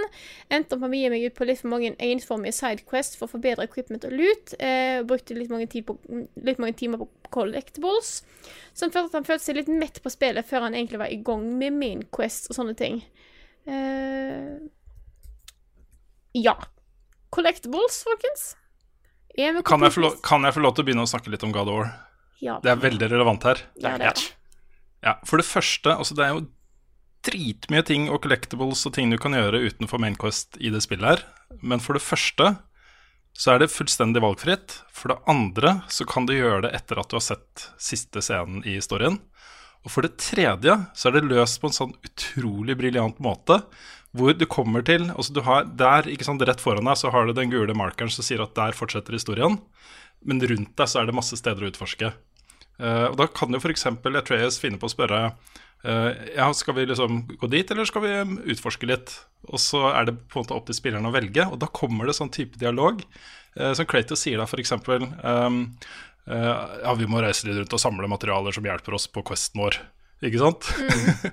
og i tillegg så sier Atreas sånn Å, jeg elsker å utforske, det er så gøy å hjelpe folk og gå ut og gjøre ting. Og så det blir en del av opplevelsen på en utrolig godt integrert måte. Det En av mange ting som God of War gjør fantastisk, altså. Det er vel også et tidspunkt der Trey spør liksom Ja, skal vi fortsette på historien, eller skal vi utforske? Hva har du lyst til, Kratos? Og han bare I will show you. Og jeg bare sånn Å, shit, Ja, jeg skal velge, ja! Men Final Fantasy 15 gjør det noe litt motsatt.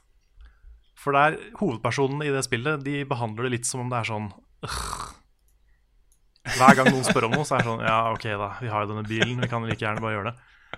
Og da, Det smitter litt over også, kjenner jeg. Ja. Det var noen sidequests der som føltes veldig ork. Mm. Og det kan hende også det var litt fordi de i spillet også syntes det var ork. Jeg vet ikke.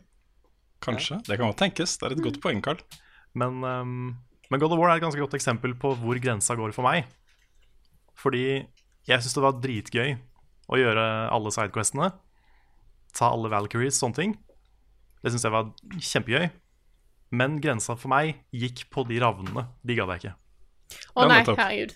Det er for mange. Så, så det er liksom, der stopper det for meg. Når det blir så mange, og så liksom inconsequential for resten av spillet. Hvis det bare er en ting, en liksom blink du skal treffe Og som, ikke- trofie, da. og som er så sinnssykt Sinnssykt gjemt liksom hele tida. Er sånn, Ja. De lager lyd, da. Ja, det gjør de kanskje. Ganske høy lyd. Ja, ja stemmer det. Så når du hører lyden, så er det i nærheten. Men da, jeg kan ikke høre lyden så høyt på. Spill med headset. Nei, men det er jo Det er jo um, Jeg syns det er deilig at alle de der tingene der, som f.eks. de ravnene, er bare for sånne trophy-folk som har Mm. lyst på platinum. Ja. Det er ingen annen grunn til å ta de enn det. Mm. Men det er der. Det er det samme med Assassin's Creed. De der fjæra i Assassin's Creed 2, f.eks. Mm. De gadd jeg aldri å ta. Ah, det var eneren, var det ikke, som hadde det Var det 1000 fjær eller noe sånt? Det var utrolig mange fjær. Jeg tror, jeg tror det var toeren som hadde fjær.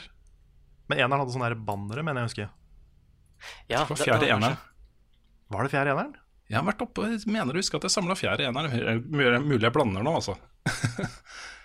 For den fikk jeg 1000 Den tok jeg 1000 av 1000 på, på Xboxen. Ja. ja, for det ble for mye for meg igjen. Mm. Nei, Jeg er på det, jeg er på det punkt Nei, nei, fortsett, Nick. Nei, nei, nei, du først, du først. OK. Ja. jeg er på det punktet at jeg kan gjerne plukke opp ting underveis. Jeg gjerne leter litt ekstra, prøve å få med meg alt på en gang. Men hvis jeg må backtracke og gå gjennom ting og områder mange ganger bare for å finne små ting, så der er grensa for meg. Mm. Jeg er veldig glad i å utforske hele veien mens jeg går rundt og ser på nye ting, men jeg hater å måtte gå tilbake igjen og gå gjennom finkjemma områder jeg allerede har vært i. Da liker jeg ikke. Oh, jeg må ta ett eksempel til fra God of War, som var Ja, helt må herlig. synge nå, ja. Mm. Ja, jeg må det. jeg må det, jeg må det. det er en av Inne i Tyrs eh, tempel så er det en litt sånn vanskelig En sånn kiste som er lett å forbigå, forbigå da. Eh, Hvis du går gjennom det rommet og ikke tar den kista, så får du ikke tatt den. Eh, Så gjør det et par sånne greier, og så kommer du bort og finner den, og så bare sier Atreas Wow, hvordan visste du at den var der? Så sier Kratos bare Experience. Det, da snakker de om oss, ikke sant, som spiller det. Altså, det er en sånn kul måte å kommunisere med oss på. Mm. Uh, jeg syns også uh, Skal jeg Ja? Nei? Nei, fullfør du, du først. Jeg syns eksempelet i spørsmålet var godt, fordi uh, Horizon det var en av de grunnene til at det ikke nådde helt opp til topp for min del, selv om det er et veldig bra spill. Det er jo at mye av den der collect collection-greiene føltes som et ork. og at det var mye ensformig uh, greier du måtte gjøre der. Det var ikke så Jeg følte virkelig at jeg ble fjerna fra historien og fra det endelige, endelige, målet, når jeg drev og gjorde massevis av sidequests fordi de var der. Jeg blir litt sånn Jeg må ta de, for de er på kartet. de ja. forsvinner ikke av seg selv, liksom. Jeg må nei, ta dem. Nei, for det er føler jeg litt problemet med mange moderne spill. At den der mm. balansen mellom sidequester og mainquester er litt skeiv. Ja. Mm. Jeg syns det er for mange sidequester, og jeg syns for mange av de har lite eller ingenting å si for historien. Mm. Og der gjorde God of War det veldig bra, fordi de var en del av historien. Mm. Og det var ikke så mange av de. Det òg. Ja, de var godt laga, liksom. Mm -hmm. gode, gode sideoppdrag. Som bare ga deg mer historie om Brock og Sindre og sånne ting. Ja. Men hva skulle du si, Nick? Eller det, den eneste spillserien hvor jeg har hatt litt problemer med Altså historieheavy spill, hvor det har vært litt problemer med collectibles, har vært uh, Uncharted-serien. For der er det sånn uh, La oss si at hvis et spill handler om at du skal finne Shambhala, og det er et sånt stort museum, det stedet er faktisk er ekte. Men collectiblesa i spillet er jo skatter fra Shambhala. Så jeg syns det er veldig gøy at det bare Jeg vet ikke, Det kan godt hende at byen ikke eksisterer, ass. Men på veien, på veien gjennom gata så finner jeg plutselig et sånt gyllent egg fra Shambhala. Oh. Som bare ligger der så bare Ja, kanskje det er et eller annet der, da? ja, kanskje det. Ja, det har jeg aldri tenkt på, men det er sant. Ja, Nathan Drake bare ah, Switch. Nice. ja.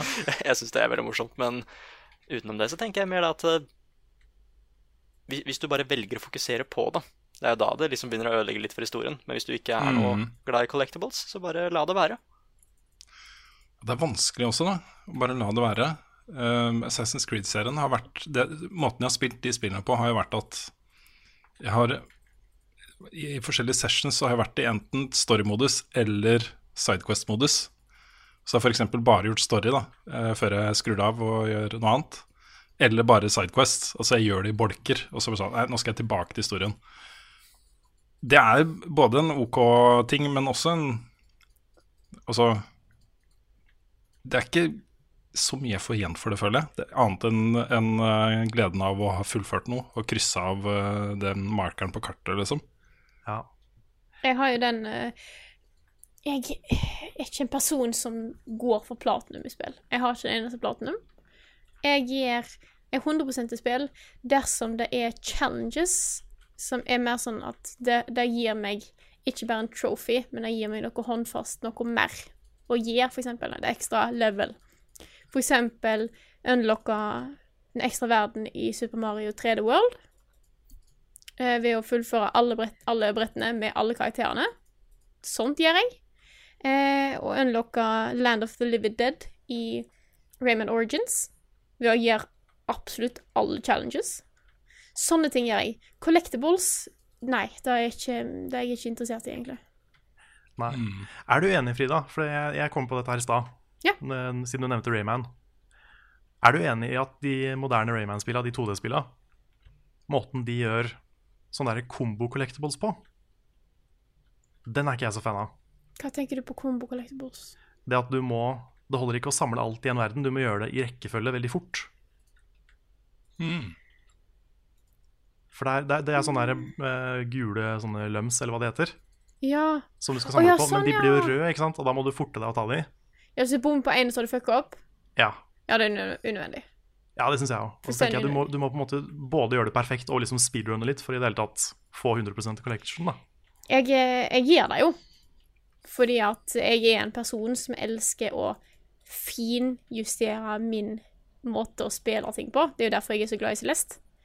Eh, men jeg er enig i at jeg er ikke så stor fan av den måten å gjøre det på. Nei.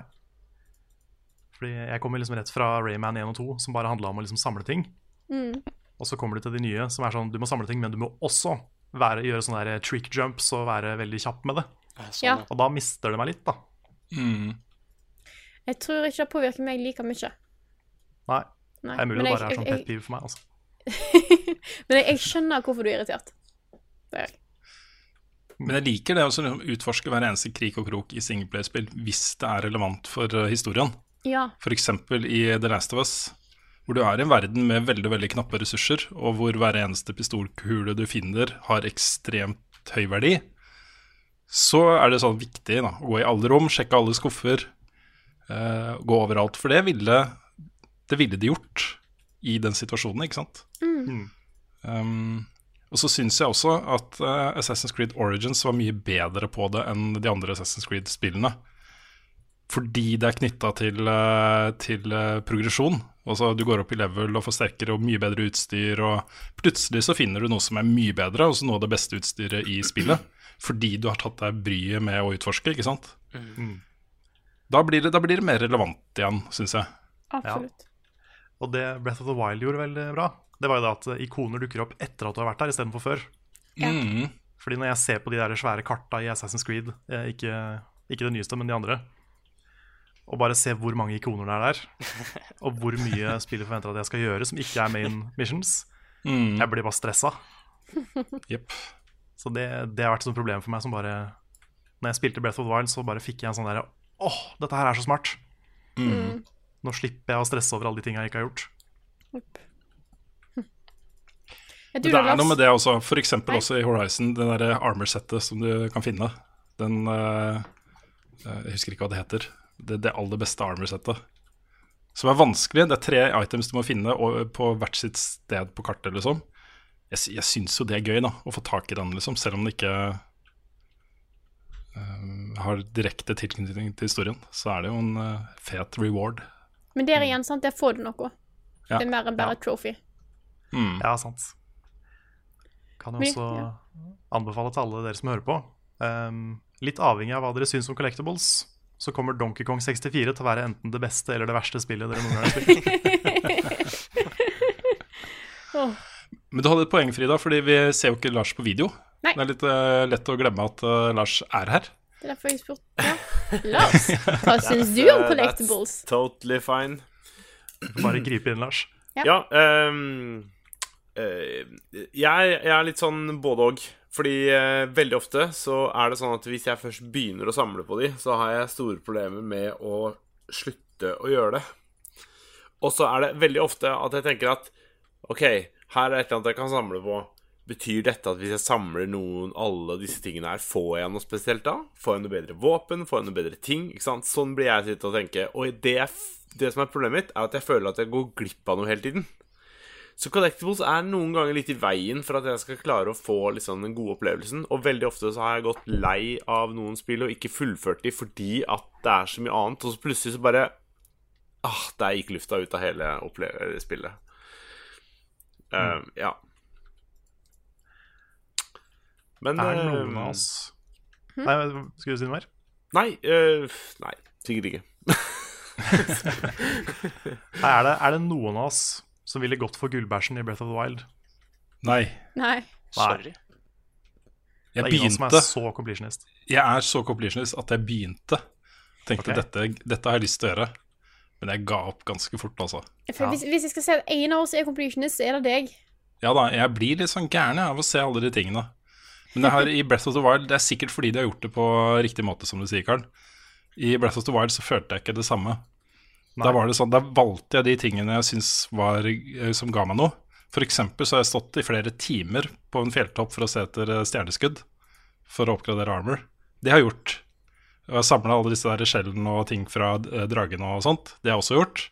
Funnet farming spots og alle de tingene.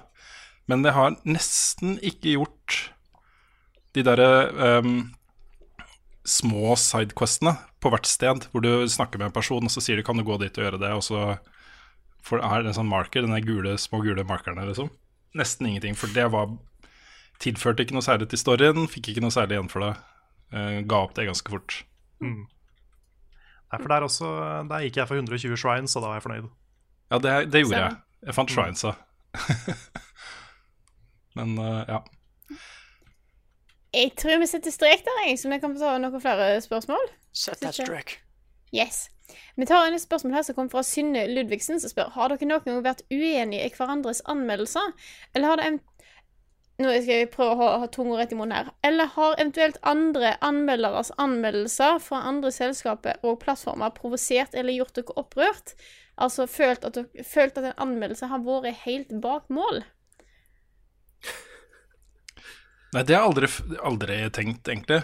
Um, det har hendt at jeg har lest en anmeldelse eller sett en anmeldelse og tenkt at ja, det, har ikke, det er et eller annet her de ikke har fått med seg. Mm. Uh, altså De har kanskje ikke spilt den og den delen av spillet. Eller, altså, at jeg har tenkt det, men så har jeg bare gått videre. Det gidder jeg ikke å irritere meg over. Og så er det, det jeg har vært mest uenig med på når det gjelder liksom, kollegaer, så er det jo din anmeldelse av Brothers, Carl. Ja, det, det husker jeg. Så, men, men, respekterte det fullt ut. Aldri vært noe sur på deg for at du bare ga det en firer. Nei, Nei det, var, det, var, den ene sommeren du ikke ville prate med meg, men ellers så Nei da. Wow. Nei, jeg, jeg, kommer ikke på noen eksempler eh, fra dere som jeg har tenkt liksom dette, Nå er jeg helt uenig, liksom. Nei, egentlig veldig lite. Uh, mm. Som regel er det her, liksom, hvis det er et eller annet, så er jeg bare sånn OK, jeg ser at jeg kanskje legger litt mer vekt på den tingen enn andre ting, men det er veldig sjelden jeg er uenig med med hva en bedømmer et spill, fordi at en argumenterer hvorfor en syns det er så godt. Og da er det sånn Ja, jeg skjønner godt at du syns Ja, OK. Det, jeg blir aldri liksom sint og bare sier Nei, men svarte Karl, nå har du virkelig ikke skjønt en dritt. Det er liksom Det er aldri noe sånn jeg tenker, da. Nei. Det stammer litt fra den derre Vi vet jo og føler det tvers igjennom at alle anmeldelser er subjektive. Vår mening om et spill har ikke noe mer verdi enn en fyr som Eller en jente som sier et eller annet på et forum om et spill. Altså, det er bare en mening om spillet. Uh, når vi vet det, så skal det jo litt til å bli irritert på folk fordi du mener noe annet enn deg selv, egentlig. Mm. Mm. Ja, jeg har ikke opplevd å bli provosert av en anmeldelse. Nei. Tror jeg. Altså, det, det, det, nærmeste det er hvis jeg på en måte ser en anmeldelse hvor for eksempel, altså er det veldig tydelig at de ga opp veldig tidlig. Da kan jeg mm. liksom, Hvis jeg ser det veldig tydelig, så kan jeg tenke liksom, ok, det her var her, her syns jeg kanskje publikummet ditt fortjente litt bedre, f.eks. Mm. Men uh, hvis du på en måte hvis du har spilt spillet, hvis du har gjort, uh, holdt på å si, vært grundig og formulert deg OK, så er det ikke noe, det er ikke noe problem at noen ikke er enig med meg. Da kommer jeg på et eksempel et mot, eh, med motsatt fortegn, eh, Karl. Okay. Motsatt? Det er motsatt fortegn. Altså uh, det at ikke de har satt seg grundig nok inn i det. Ok um, Jeg skal ikke si navnet hans, men det er en anmelder som er i en norsk jeg, jeg må si, Det er i Nettavisen. En anmelder i Nettavisen. Så ja, av et spill, av et kjent sci-fi fra et kjent sci-fi-univers. Ja, jeg tenkte faktisk på det. Jeg tror du har fortalt om det før. Ja. I anmeldelsen så skriver han at uh, fordi det spillet kom ut før da den hotte nye filmen i den serien, um, og spoila en del av plottet fra filmen. Så i anmeldelsen av det spillet, som han ga terningkast seks, så skriver han at han har bare spilt første brettet fordi han ikke ville bli spoila, men dette så ut til å være dritfett. Det var det han skrev. Det var hans poeng. Det fortjente terningkast seks fordi det så dritfett ut. Han trodde resten av spillet skulle være helt megabra, liksom. Uh, og når han fikk kritikk for det, så svarte han ja, men det er jo sånn anmeldere gjør det. det er sånn spillanmeldere gjør det. Det er helt vanlig at spillanmeldere uh, anmelder spill på den måten. Det var hans forsvar. Da ble jeg provosert. Da ble jeg provosert. ja, det skjønner jeg. Men gikk ikke Oi. ut i noe offentlig debatt om det, for det, det er litt sånn det syns jeg ikke noe særlig om, da, at man uh, driver med kritikk av kollegaer offentlig. Nå har jeg gjort det, da, men uh, det er mange år etterpå, så det får han tåle. så husker jeg jo det var en uh, anmelder en gang, jeg husker, jeg husker ikke helt hva spillet det var, men han påsto at det var så lite dyreliv i spillet. det er så bra, det. Ja, det der, det der det, det er Ja, den er fin. av en liten stift. Vår kjære Ole Fjell Osner. Så, ja. Det var Far Cry, var det ikke det? Far Cry 1. Ja. Mm. Hvor jeg klaga over at jeg hørte, jeg hørte jo alle disse dyra, men jeg så jo ingen. Jeg så ikke noe dyr og ikke noe fisker under vann eller ingenting, liksom. Så jeg syntes det var litt dårlig, da. det var fordi skjermkortet mitt ikke var bra nok til å redde alle disse dyra. Jeg blir så glad når folk liksom hører sånne historier, og så lager de memes. Ja. Jeg har sett liksom tegninger av Rune som ser seg om, og så bare 'Hvor er dyra?' Det er så gøy. Ja. Det er til og med en som heter 'Hvor er dyra?' Ja. Ja, ja, ja. Det var jo han som tegna 'Hvor er dyra', Rune, som sendte inn tegningen av Kratos, Rune, eh, tidligere. Ja, stemmer det. Ja. det Kult. Mm. Det starta der. Bra fyr. Ja. Men, Nei, men da hm? Nei, nei. Du hadde, det var du som ville ha det som ukens Nick, så hvis du har noe konkret å melde her, så Ja. Yeah. Fordi Lars ga jo ikke Overwatch 10 av 10, husker jeg. nei, det er sant. Ja. Og jeg, jeg, klarte å leve med den, da. Men Og så hadde han lyst til å gi Firewatch 7 av 10, og da sa jeg nei til det òg. Ja, men, ja, men du, Altså, det eh, Det var sånn instantly reaction på mange måter. Eh, det, var, det var litt den der når vi begynte å liksom på en måte diskutere litt og begynte å se litt nærmere på det, at jeg bare liksom Holy shit, dette er jo mer enn bare det jeg trodde det var. Mm. Og da var da jeg liksom innså at that's wrong. Ja, jeg, jeg, jeg Så. Ja. Men i like måte, du ga det ti av ti. Jeg er vel like Ja, right back at ya. Ja. men, eh, men når det kommer til anmeldelser som jeg har vært fullstendig uenig i, er uh, IGN ga Godhand tre av ti. Oi, Oi. Ja. det er harsh. Det er veldig, veldig harsh. Men de, har- de har fått ganske mye ris for det seinere, da. De har, For det er sånn herre De ga spillet tre av ti, men så la de ut en liste over liksom 100 spill du må spille før du dør, ikke sant? Og Gadan er jo ganske høyt på den lista. Så det, så det var litt sånn Men det viser, jo, det viser jo poenget vårt. Det er jo én anmelder i IGN som har gitt det tre av ti. Det er jo ikke IGN alle som jobber i IGN. Nei, ikke sant. Det er jo én anmelder. Mm. Ja. Og så er det jo noen spill der hvor man ikke helt skjønner verdien av spillet når det kommer. Mm. Det er sant. Uh, Earthbound var et av de. Det fikk ikke så bra kritikk da det kom, men det har blitt en sånn klassiker på Super Nintendo. Mm. Uh, jeg tror det samme som skjedde med Godhand, skjedde med Demon Souls Ja, ja, ja. en del steder. At eh, folk så ikke hva som var bra med det spillet. Nei, Så det, det fikk ganske, ganske crappy anmeldelser. Verden var ikke klar til vanskelig spill ennå, ikke sant? Nei, det var en sånn omstillingsperiode. Men uh, av level up så er det bare én her som jeg har vært uh, skikkelig uenig i en anmeldelse. Okay. Så en at jeg måtte si ifra. Oi. Og det var fra VG-tiden. Og det er en Rune-anmeldelse. Ok. Og det er fordi han Han, han ga ikke Dishonored 6 eh, terningkast 6, da. Og det, og det er sånn Ja, det er, Dishonored- det er, Dishonored 1. Sånn, litt sånn en. Ja. Mm. Ja, og, Ja, og, og det er sånn vanligvis hadde jeg ikke hatt så problem med det, men du sa at eh, jeg vipper mellom fem og seks. Jeg vet du hva, jeg Ja, holder meg til femmeren. Og da Ja. måtte jeg si ifra. Det er ikke greit. det, det, er jo, det er jo so good, men heldigvis, en uke seinere så bare Kanskje jeg vil gi den en sekser isteden. Ja da, jeg ga det Jeg endra meg. Jeg endra karakteren her. Mm. Det, det gjorde jeg, men det var jo fordi da hadde jeg runda spillene. Jeg tenkte liksom at Og så jeg lå og vaka helt oppe under sekseren og var sånn ah. Og da av prinsipp så valgte jeg i hvert fall på den tida å trekke ned. Ja, ja. Men så spilte jeg en gang til etter at jeg hadde lagd anmeldelsen, Mm. og forsto spillet bedre. Og skjønte at vet du hva, det er ikke snakk om også. Det fortjener en sekser. Hell yeah. Så ja. Jeg anmeldte jo et Ja, nei, fortsett. Bare fortsett du, Frida. Jeg anmeldte jo et spill som en annen tok på nytt igjen. Og da var jo Splatoon. Ja. At det lagde du først en anmeldelse. Og så syns jeg at OK, jeg er enig i en firer. Jeg syns det var litt bedre. Jeg hadde kanskje endt opp på femmer, og så kom det en del nytt content. Og bare sånn Nå har jeg en god unnskyldning til å lage en eh, anmeldelse der jeg kan justify den femmeren ganske Det var ikke fordi jeg var sterkt uenig med din. Jeg innså bare at OK, eh, jeg tror dette spillet har truffet meg litt mer enn deg, på en måte. Det, jeg har jo spilt en del mer i, i senere tid òg. Eh, og det kom seg jo. Det, eh, det ble, ble jo en sterk femmer da, med alt det nye innholdet, så jeg hadde en god grunn til å på en måte trekke det fram igjen. Eh, men det var bare en jeg kom på der jeg faktisk eh, gikk inn og endret en karakter. Det var egentlig derfor du søkte på anmelderjobben. For, Ja, for men at du kunne gå inn i Splatoon og bytte fra fire til fem. ja, men du, den anmeldte jo du etter jeg ble ansatt. Gjorde jeg det? Ja. Ja, okay, Jeg trodde kanskje det var før. Nei, for Nei, Jeg husker husker at du var- lagde det nye. Ja, jeg anmeldte det på høsten. Du har anmeldt det på våren. Riktig. Ja. Skulle du si noe, Rune? Jo, det er bare Det er noe med det, særlig når man uh, anmelder ting i rikspresse. Det er en litt sånn uh, slitsom øvelse noen ganger. Fordi noen ganger så kommer det ting som er så hypa, og som det er så høye forventninger til, og som du blir litt revet med da, når det kommer ut. Uh, og jeg husker Dagbladet anmeldte også, Det hadde gått mange mange år siden forrige gang Pink Floyd ga ut et ny, nytt album. Eh, og så ga de ut eh, Division Bells, tror jeg det het. Jeg husker ikke akkurat når det var.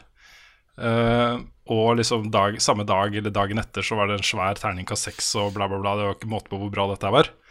Dagen etter så kom det en korrigering fra samme anmelder. Han har hørt litt mer på det, og ja, det var kanskje ikke så bra, da, så ga han en firer. Oi. Men det er litt slitsomt. altså Den der følelsen av å sitte med hele Norge som publikum og anmelde noe, er liksom Du må være litt ekstra forsiktig med, ehm, med hva du slenger ut av ternekast, altså. Litt ekstra forsiktig. Det er helt sant. Ja. Jeg eh, ser at vi, det blir en lang podkast, men det går fint. Eh, Så jeg tror egentlig jeg bare spør om det er noen av dere som har funnet spørsmål dere har lyst til å ta opp. Skal vi se her. Yeah. Jeg, har, eh, jeg syns vi skal ta ukens eh, Sinfor. Sånn Ja. etter Det kan vi gjøre. Da må jeg bare, hvis noen kan eh, bare distrahere publikum i noen eh, sekunder. Jeg kan ta et spør spørsmål her fra Philip Lindstøl. Um, som skriver nå har Google eh, delt i en pressekonferanse eh, at de har laget en AI som kan holde dynamiske samtaler med folk. Tror dere dette kan brukes i spill? I så fall hvordan og hvilke spill kan dette skape? Og Det han sikter til, er da en presentasjon som Google gjorde av eh, hvor de hadde da opptak fra samtaler som Google Assistant hadde gjort. Google Duplex Duplex heter akkurat den delen her, hvis jeg husker rett. Duplex? Ja, ok, greit. Mm.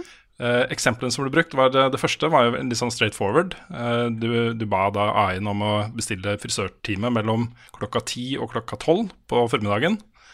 Eh, og den ringte opp, og du fikk høre samtalen. Men i den andre Ja. så skulle de booke et bord på en restaurant som var liksom litt vanskelig, ikke så tilgjengelig restaurant. da, Det var ikke McDonald's, liksom.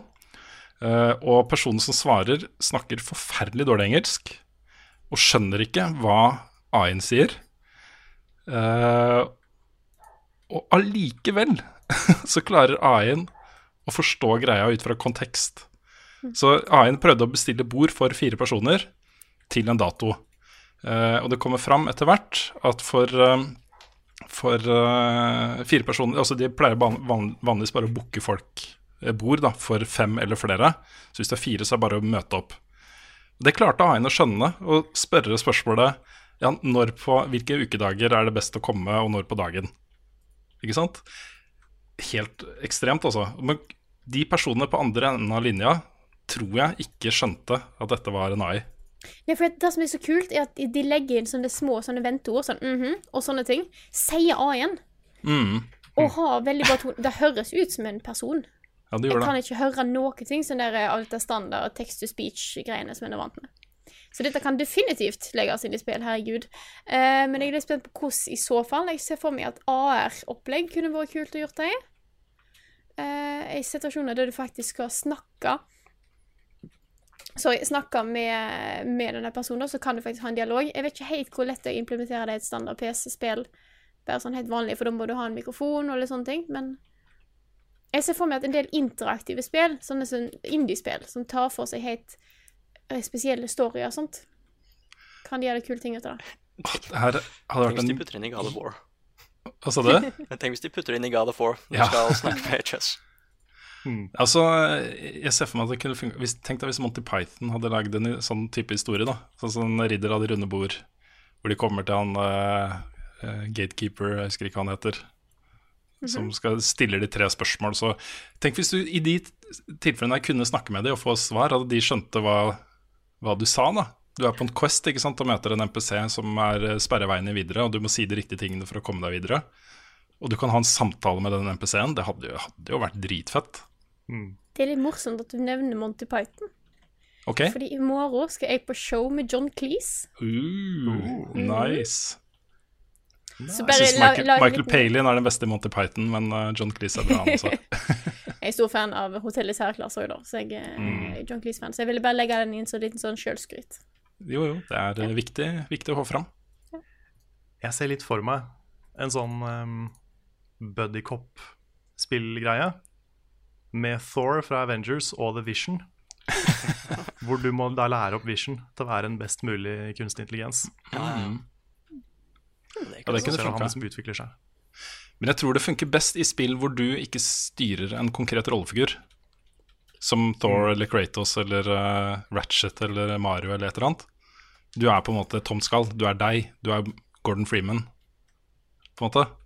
Så kunne, du, så kunne du ha brukt det du sier som en del av den rollefiguren. Eller hva om uh, detektivaktige spill? Mm. For intervjuer folk, liksom, eller uh, Ja. etterforsker ting. Spør de om ting.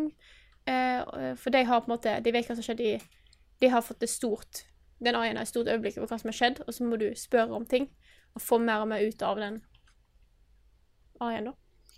Men da må de, hvis det skjer, hvis det skjer, hvis det implementeres i spill, så må de lage et uh, sett med uh, responsgreier for uh, griseprat.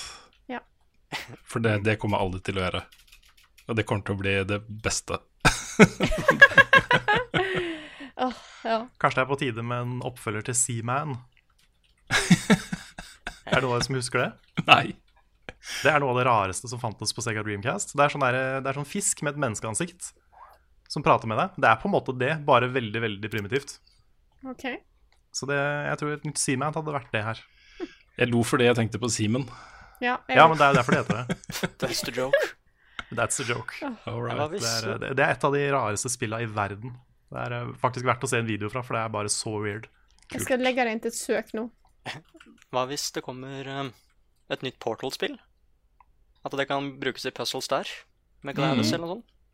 Ja, kanskje ja. du får sånne course som du skal lære opp, eller noe yeah. sånt. Mm. Men da tror jeg, eh, hvis, hvis Karl er klar Jeg er klar, vet du. Kjør på.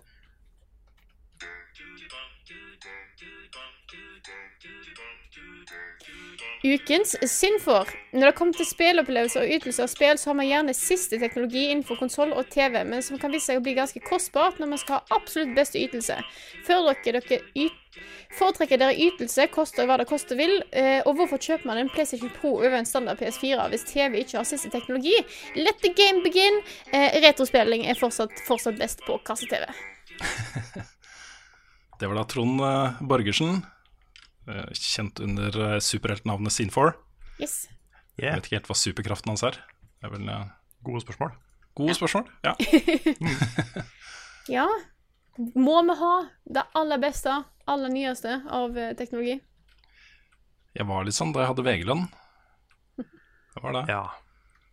Var det. Jeg, Men, jeg er glad i å følge litt med. Hvis jeg skal kjøpe nye ting, så er det ikke sånn OK, jeg ser denne her er litt rimeligere, eh, kom ut året før, kan kjøpe den. Da skal jeg ha nytt. Mm. Da er det ikke snakk om noe annet, liksom. Men eh, jeg har ikke med studielån eh, og kun eh, Og ikke så veldig mye inntekt, så jeg har ikke råd til å tenke på noe mer. Jeg skulle gjerne oppdatert den TV-en min. Den er litt liten, men det er jo òg det at jeg har ikke stor avstand mellom sofaen og TV-en, så den kan ikke være så stor heller. Nei, for eh, ja. Nyansen i spørsmålet hans, koste hva det koste vil, er litt viktig her. Mm. Fordi jeg skulle svært gjerne oppgradert PC-en min i hvert fall to ganger i året. Det, det, hadde vært optimalt for meg. To ganger i året, ny PC. Det har vært dritbra. mm. Men uh, samtidig så er det sånn, jeg sitter jo ikke med fett uh, lydanlegg og sånne ting. Jeg sitter stort sett med headset og gamer. Uh, og både PC og konsollspill spiller jeg på en PC-monitor. Det er riktignok en ganske bra PC-monitor, men den er ikke noe sånn gigasvær TV. Jeg har ikke hjemmekino og sånne ting. Så jeg klarer meg, jeg klarer meg fint med ting som ikke er det ultimate. Men uh, mm. hadde jeg hatt råd og mulighet og plass til det, så hadde jeg gått bananas. Ja. Jeg merker at jeg var mye mer interessert i på en måte, da jeg hadde penger og jobba fast og ikke hadde på en måte, måtte betale leia og maten og sånn sjøl, så var jeg mye mer glad i å kjøpe alle de nye tingene. Og da fulgte jeg mye mer med på hva som kom. Nå detter jeg mer av. Mm. Nå er det ikke vits meg å følge med, fordi at jeg kan ikke kjøpe det uansett. På en måte. Nei, jeg, Nei, jeg er litt sånn som deg, eh, Frida. Mm. At jeg liksom, Hvis jeg først skal kjøpe noe, så liker jeg å kjøpe noe bra. Jeg kjøper ikke det billigste, men jeg kjøper ikke, jeg kjøper ikke det dyreste heller. Du får jo f.eks. TV-er til uh, mange titalls tusen. Mange hundretusener? Mange ja. hundre tusen, så jeg er ja. ikke der. Nei. Um, jeg er mer på liksom Jeg kjøper ikke en TV til 2000, men jeg kjøper kanskje en TV til 10. da Det er ikke så ofte mm. jeg kjøper TV. Så jeg ligger liksom der. Hver gang jeg kjøper TV? Hver gang jeg kjøper det. Jeg har, ikke kjøpt så mange TV-er i mitt liv, men, men, det, er liksom, det er jo en investering når du først gjør det. Men det Trond skriver om PS4 Pro, for meg det, var det en essensiell oppgradering. Eller har blitt det, ja. pga. 60 FPS. Ja. Den har ikke mm. bare med, med 4K-TV og HDR å gjøre. Det har med framerate. Og da savner ja. jeg litt. Jeg skulle gjerne hatt en PlayStation Pro, selv om jeg bare har en vanlig TV. Mm. Yeah. Nei, det hvis du først også Jeg er litt lei meg for at jeg er blitt sånn framerate-hore på det her også, fordi um, ting var så mye bedre før. Hvor jeg kunne bare akseptere 30 FPS, og det var helt greit. Og det gjør jeg jo fortsatt, da, hvis spillet bare er i 30 FPS. Så klarer jeg fint å spille det, og så glemmer jeg det etter en time, liksom. Men hvis jeg kan velge mellom mange frames eller bare 30 frames, så er jo, går jeg jo for frames. Jeg gjør det. Ja. Mm. Men den, den viktigste funksjonen for meg på TV-er har blitt den der game mode-funksjonen. Mm. Fordi det var en periode, spesielt på, på 360 uh, og PS3, der hvor Jeg vet ikke om TV-er ikke hadde det, eller om jeg bare ikke hadde oppdaga det. Men da var det liksom Det var input lag på alle spill. Yep. Og det var en så kjip periode å spille på. Mm. Fordi jeg merka det i hvert eneste spill, mest i liksom 2D-spill eller plattformspill og sånne ting. Men uansett så bare var den der delayen der. Og den plaga meg, altså. Det verste var jo å sitte og være vant til eh, lite delay, og så skal, skal du spille et spill du har spilt før, Mm. på en TV med delay. Det er jo nesten umulig. Ja. Var litt da jeg spilte eh, Gameshare med deg. Var vant til å sitte med 60 FPS, og han nå hadde det kanskje 10-15. Mm. og, og eh, lag, da. Altså Ja. Ja, det så, altså, så lenge en TV har den funksjonen hvor du kan Mm. få minimalt med delay mot at du kanskje fjerner noen sånne fancy funksjoner, den, den er viktig. mm. Nei, jeg er, jeg er litt sånn rar der, fordi jeg blir så veldig attached til ting. Har jeg merka. For eksempel uh, Sasha. For eksempel Sasha, da. Det er jo det at uh, du kunne Det var en sånn der deal du kunne gjøre, hvor du kunne sende inn din PlayStation 4 og motta Pro, da. Bare at du måtte betale litt, så klart, til det. Men du kunne liksom trade, så å si. Men jeg kunne jo ikke gjøre det, fordi jeg er så glad i Sasha. Ja, sånn er jeg òg. Ja. Jeg, jeg tror feilen var at jeg har gitt maskinen navn, ikke sant? Og det er jo Men det er veldig koselig, da. Ja. Mm.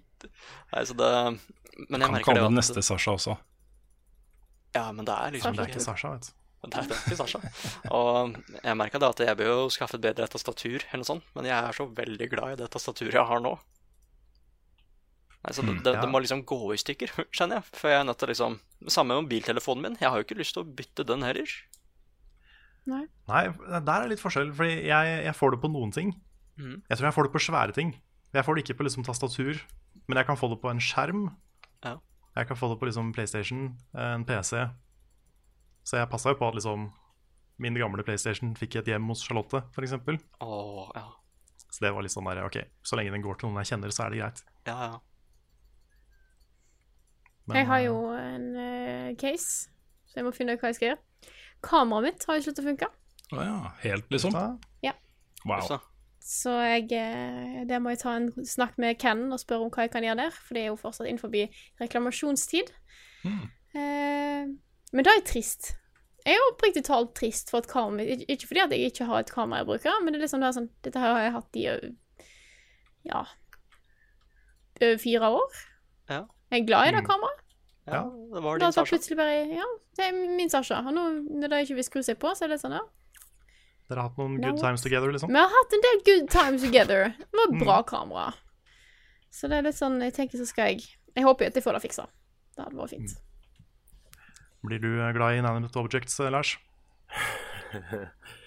Jeg blir jo for så vidt det, men um, når det kommer til teknologi, da, så er jeg ja, kanskje litt i overkant glad i det. Det bare stopper seg litt innimellom med tanke på at det, koster mye penger, da. Ja, jeg, jeg tror kanskje du er den som er mest early adopter i level up. Altså, kanskje, ikke sånn Ja, det tror jeg både sånn at, at du, Ja. du prøver nye apper og sånne ting. Det gjør du veldig. Ja, det gjør jeg. Um, apropos det, kan jeg bare fortelle om en litt sånn rar ting? Mm. Um, av apper. Jeg prøvde altså en app som heter Die With Me. Har du hørt om den? Nei. Nei. Det er en app som kun funker når du har mindre enn 5% igjen strøm på telefonen. Ja, stemmer. Jeg har hørt om den. Ja, ja, ja. Og da havner du inne i et chatrom med alle andre i verden Eller alle andre som også har mindre enn 5% strøm på telefonen. Genialt. Ja, det er smart. Ja, det var sykt. Det er sykt lættis. Um, ja. Men, men. Wow. Jeg, jeg vurderte å lage level-app av det, men det tenkte jeg var sånn Det er jo, det er jo ingenting å gjøre. Det er bare å chatte med folk, liksom. Så det er sånn Hadde blitt verdens rareste level-app. Ja, det var så vi skal lage morsomt. det motsatte. At alle som har 100% batteri, det hete We Happy Few. Som har liksom 100% Så er bare Vi er best, vi kan chatte så lenge vi vil. Og så blir du kastet ut med en gang du får 99, liksom. Ja, Ja, ja. ja. Det, det du må, være, du må være en av de privilegerte få som har liksom Ja, ja. 100. ja. Det er jo standard. Og ikke har i lader. ja. Ja, det òg, ja. Shit. Det er jo ikke lov. Nei, da, da er det kort, ja. Ja, men den registrerer det, ikke sant? Det er det den gjør. Mm. Du må bare du må nyte de sekundene du er on top of the world. Nei, jeg, jeg husker er eh, Lars skulle vise Oi, den stygge discorden. Ja, ja det husker jeg. Det, husker jeg. Det var Lars som fikk meg på Discord. Ja. Alle var så glad i, i Skype, og jeg hata det. Og så kommer um... Oi, ble det krasj nå? Sorry, Nei. nå var det litt lag på linja her. Okay. Um, alle, alle var så glad i, um, i Skype, og jeg hata det. Og så var det sånn Fant jeg Discord, og det var bare sånn Heaven. Og nå bruker liksom alle Discord. Ja, jeg vet, Ja. så jeg bare Thank you. Nei, nei. You're welcome, skal du si. ja, ja, riktig. Thank you later. You're, you're welcome. Ja. You're welcome. Men apropos early adopters og sånt, jeg kommer på noe jeg har glemt å snakke om. Oi. Ja. Ja, men det, vi kan ta det neste uke. Det jeg holder opp nå, er uh, Oculus Go. Som jeg har testa nå de siste dagene. Rart at jeg glemte det. Ja. Det sto på lista mi, Ja. Så ja. Men det begynner å gå litt tom for tid, skjønner du. Ja, ikke sant. Det blir en Ja. teaser for neste ukes episode. Da får vi kanskje testa det ned. Kanskje du får testa det litt også, Karl? Ja. Jeg tenkte å eh, gi det til deg når jeg er ferdig med det. Kan ikke gå tom right. for tid. Men jeg jeg kan tror faktisk nevne noe kjapt, da. Ja. Altså, Oculus Go koster ca. 2000 kroner. Og du trenger ikke en PC eller en mobiltelefon for å spille VR. Og er ringer Da altså, det er er- ikke noe kabler eller noen ting. Det er kult. Det er viktig. Det har betydning. Welcome to the future. Ja. Det er nok the future, gitt. Man Machine the Fusion. Venter bare på de hanskene nå. Ja. Men der tror jeg faktisk at jeg setter en strek for i dag. Vi har holdt på en god stund, så jeg tenker at det nå er bare et tidspunkt å gi oss på. Ja, klokka er halv elleve, og det er en av oss som skal Ja. sitte og klippe dette her og uh, rendre det og laste det opp oh. før han legger seg også. Ikke sant? Mm. Og han liker òg å snakke om seg sjøl i tredjeperson litt. Grann, det. Jeg og Trump, vet du. Vi er eh, to, eh, to eh, alen av samme stykke. Er det det Som? Dragons. Ja, for det er Ole som skal, renne, som skal fikse det. Ja. Ole skal fikse det. Ole Fjell-Olsen Ja. skal fikse det. Men da eh, må jeg først og fremst si tusen takk til alle dere som støtter oss på Patron. Dere er fantastiske folk.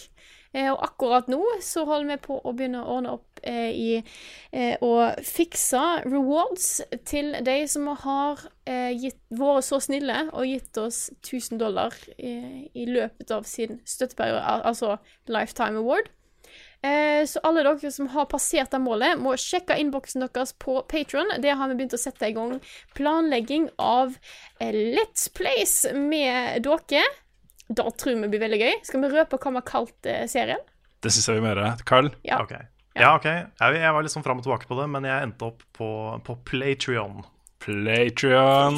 Fordi ordspill og sånn. Ja. Og det er Så, da en eh, serie for eh, de som har støtta meg totalt 1000 dollar eller mer på Patreon i løpet av de siste to årene der vi har hatt Patreon vår. Eh, der eh, Carl og Rune skal spille en time med eh, da en av våre Patreon, av deres valgfrie spill, altså Patreon-backeren, ikke Carl og Rune, enten over nett eller i Oslo. Mm. Så det er en ganske kul greie. Det kommer, kommer til å bli kjempegøy. Vi har allerede hatt en session som var veldig morsom. Med Simon, som jo nådde det målet på to måneder Ja, ved et uhell. Han kjenner jo noen fra podcasten allerede. Nettopp. Um, så, så vi tyvstarta litt den, for han var i Oslo. Uh, og det skal være litt den greia, hvis du har muligheten til å komme deg til Oslo, så er det kjempehyggelig å gjøre det i sofaen til Carl. Uh, og hvis ikke, så tar vi det bare over nett. Men vi har satt opp en schedule, for vi kan ikke gjøre det bare sånn nå og da, for da fyller det hele uka vår. Uh, og se hvor mange vi klarer å få tatt av, og så tar vi resten over sommeren. Så gå inn på innboksen deres på Patron, dere det gjelder. Der kan dere følge en link. Meld dere på på det tidspunktet da, som passer. Eller skriv dere opp at det ikke passer nå før eh, sommeren, så tar vi det etter sommeren. Og eh, send oss òg eh, adressen deres, så får dere de signerte bildene deres. Vet du, det blir bra. Her er det muligheter til å velge spill som dere mener vi burde ha spilt, eller spill som dere har lyst til å høre hva vi syns om, eller ja, hva som helst. Overrask oss. Det blir gøy. Så en fantastisk stor takk til alle dere som har støttet oss eh, på Patreon gjennom eh, de siste åra. Både til dere som har nådd de største målene våre, og til dere som støtter med hva enn bidrag dere har lyst til. Absolutt. Så thank you. Dere er bra folk. Fantastisk. Veldig bra folk. Alt hjelper. Masse. Ja, Det gjør det. absolutt. Og med det så får jeg si tusen takk for oss. Tusen takk til eh, Lars og Nick som hadde lyst til å være med i denne podkastepisoden. Det er kjempegøy å ha dere med, som alltid. Ta, bare hyggelig. Ja, takk det samme. Og så er det bare Hvis det var Ja. Ja, det var, det var du som skulle si takk. Det, det var, det Ja. var, ja. mm. Og så er det bare til å være med når dere har tid. Det er alltid kjekt å ha med litt ekstra folk. Yeah. Så er det ikke bare oss tre som sitter og snakker. Yeah. Nei, gud forby. Yes. Så da tror jeg egentlig at vi Takk for oss. Takk for at du hørte på denne episoden av Level Backup, og så snakkes vi igjen neste uke.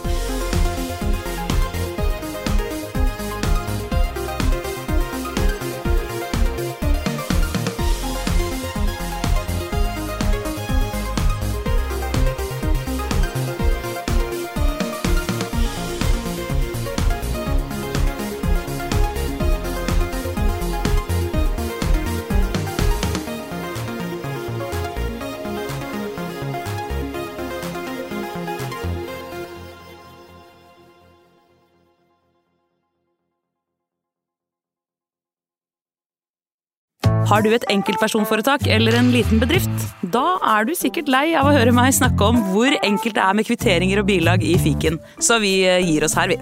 Fordi vi liker enkelt. Fiken superenkelt regnskap.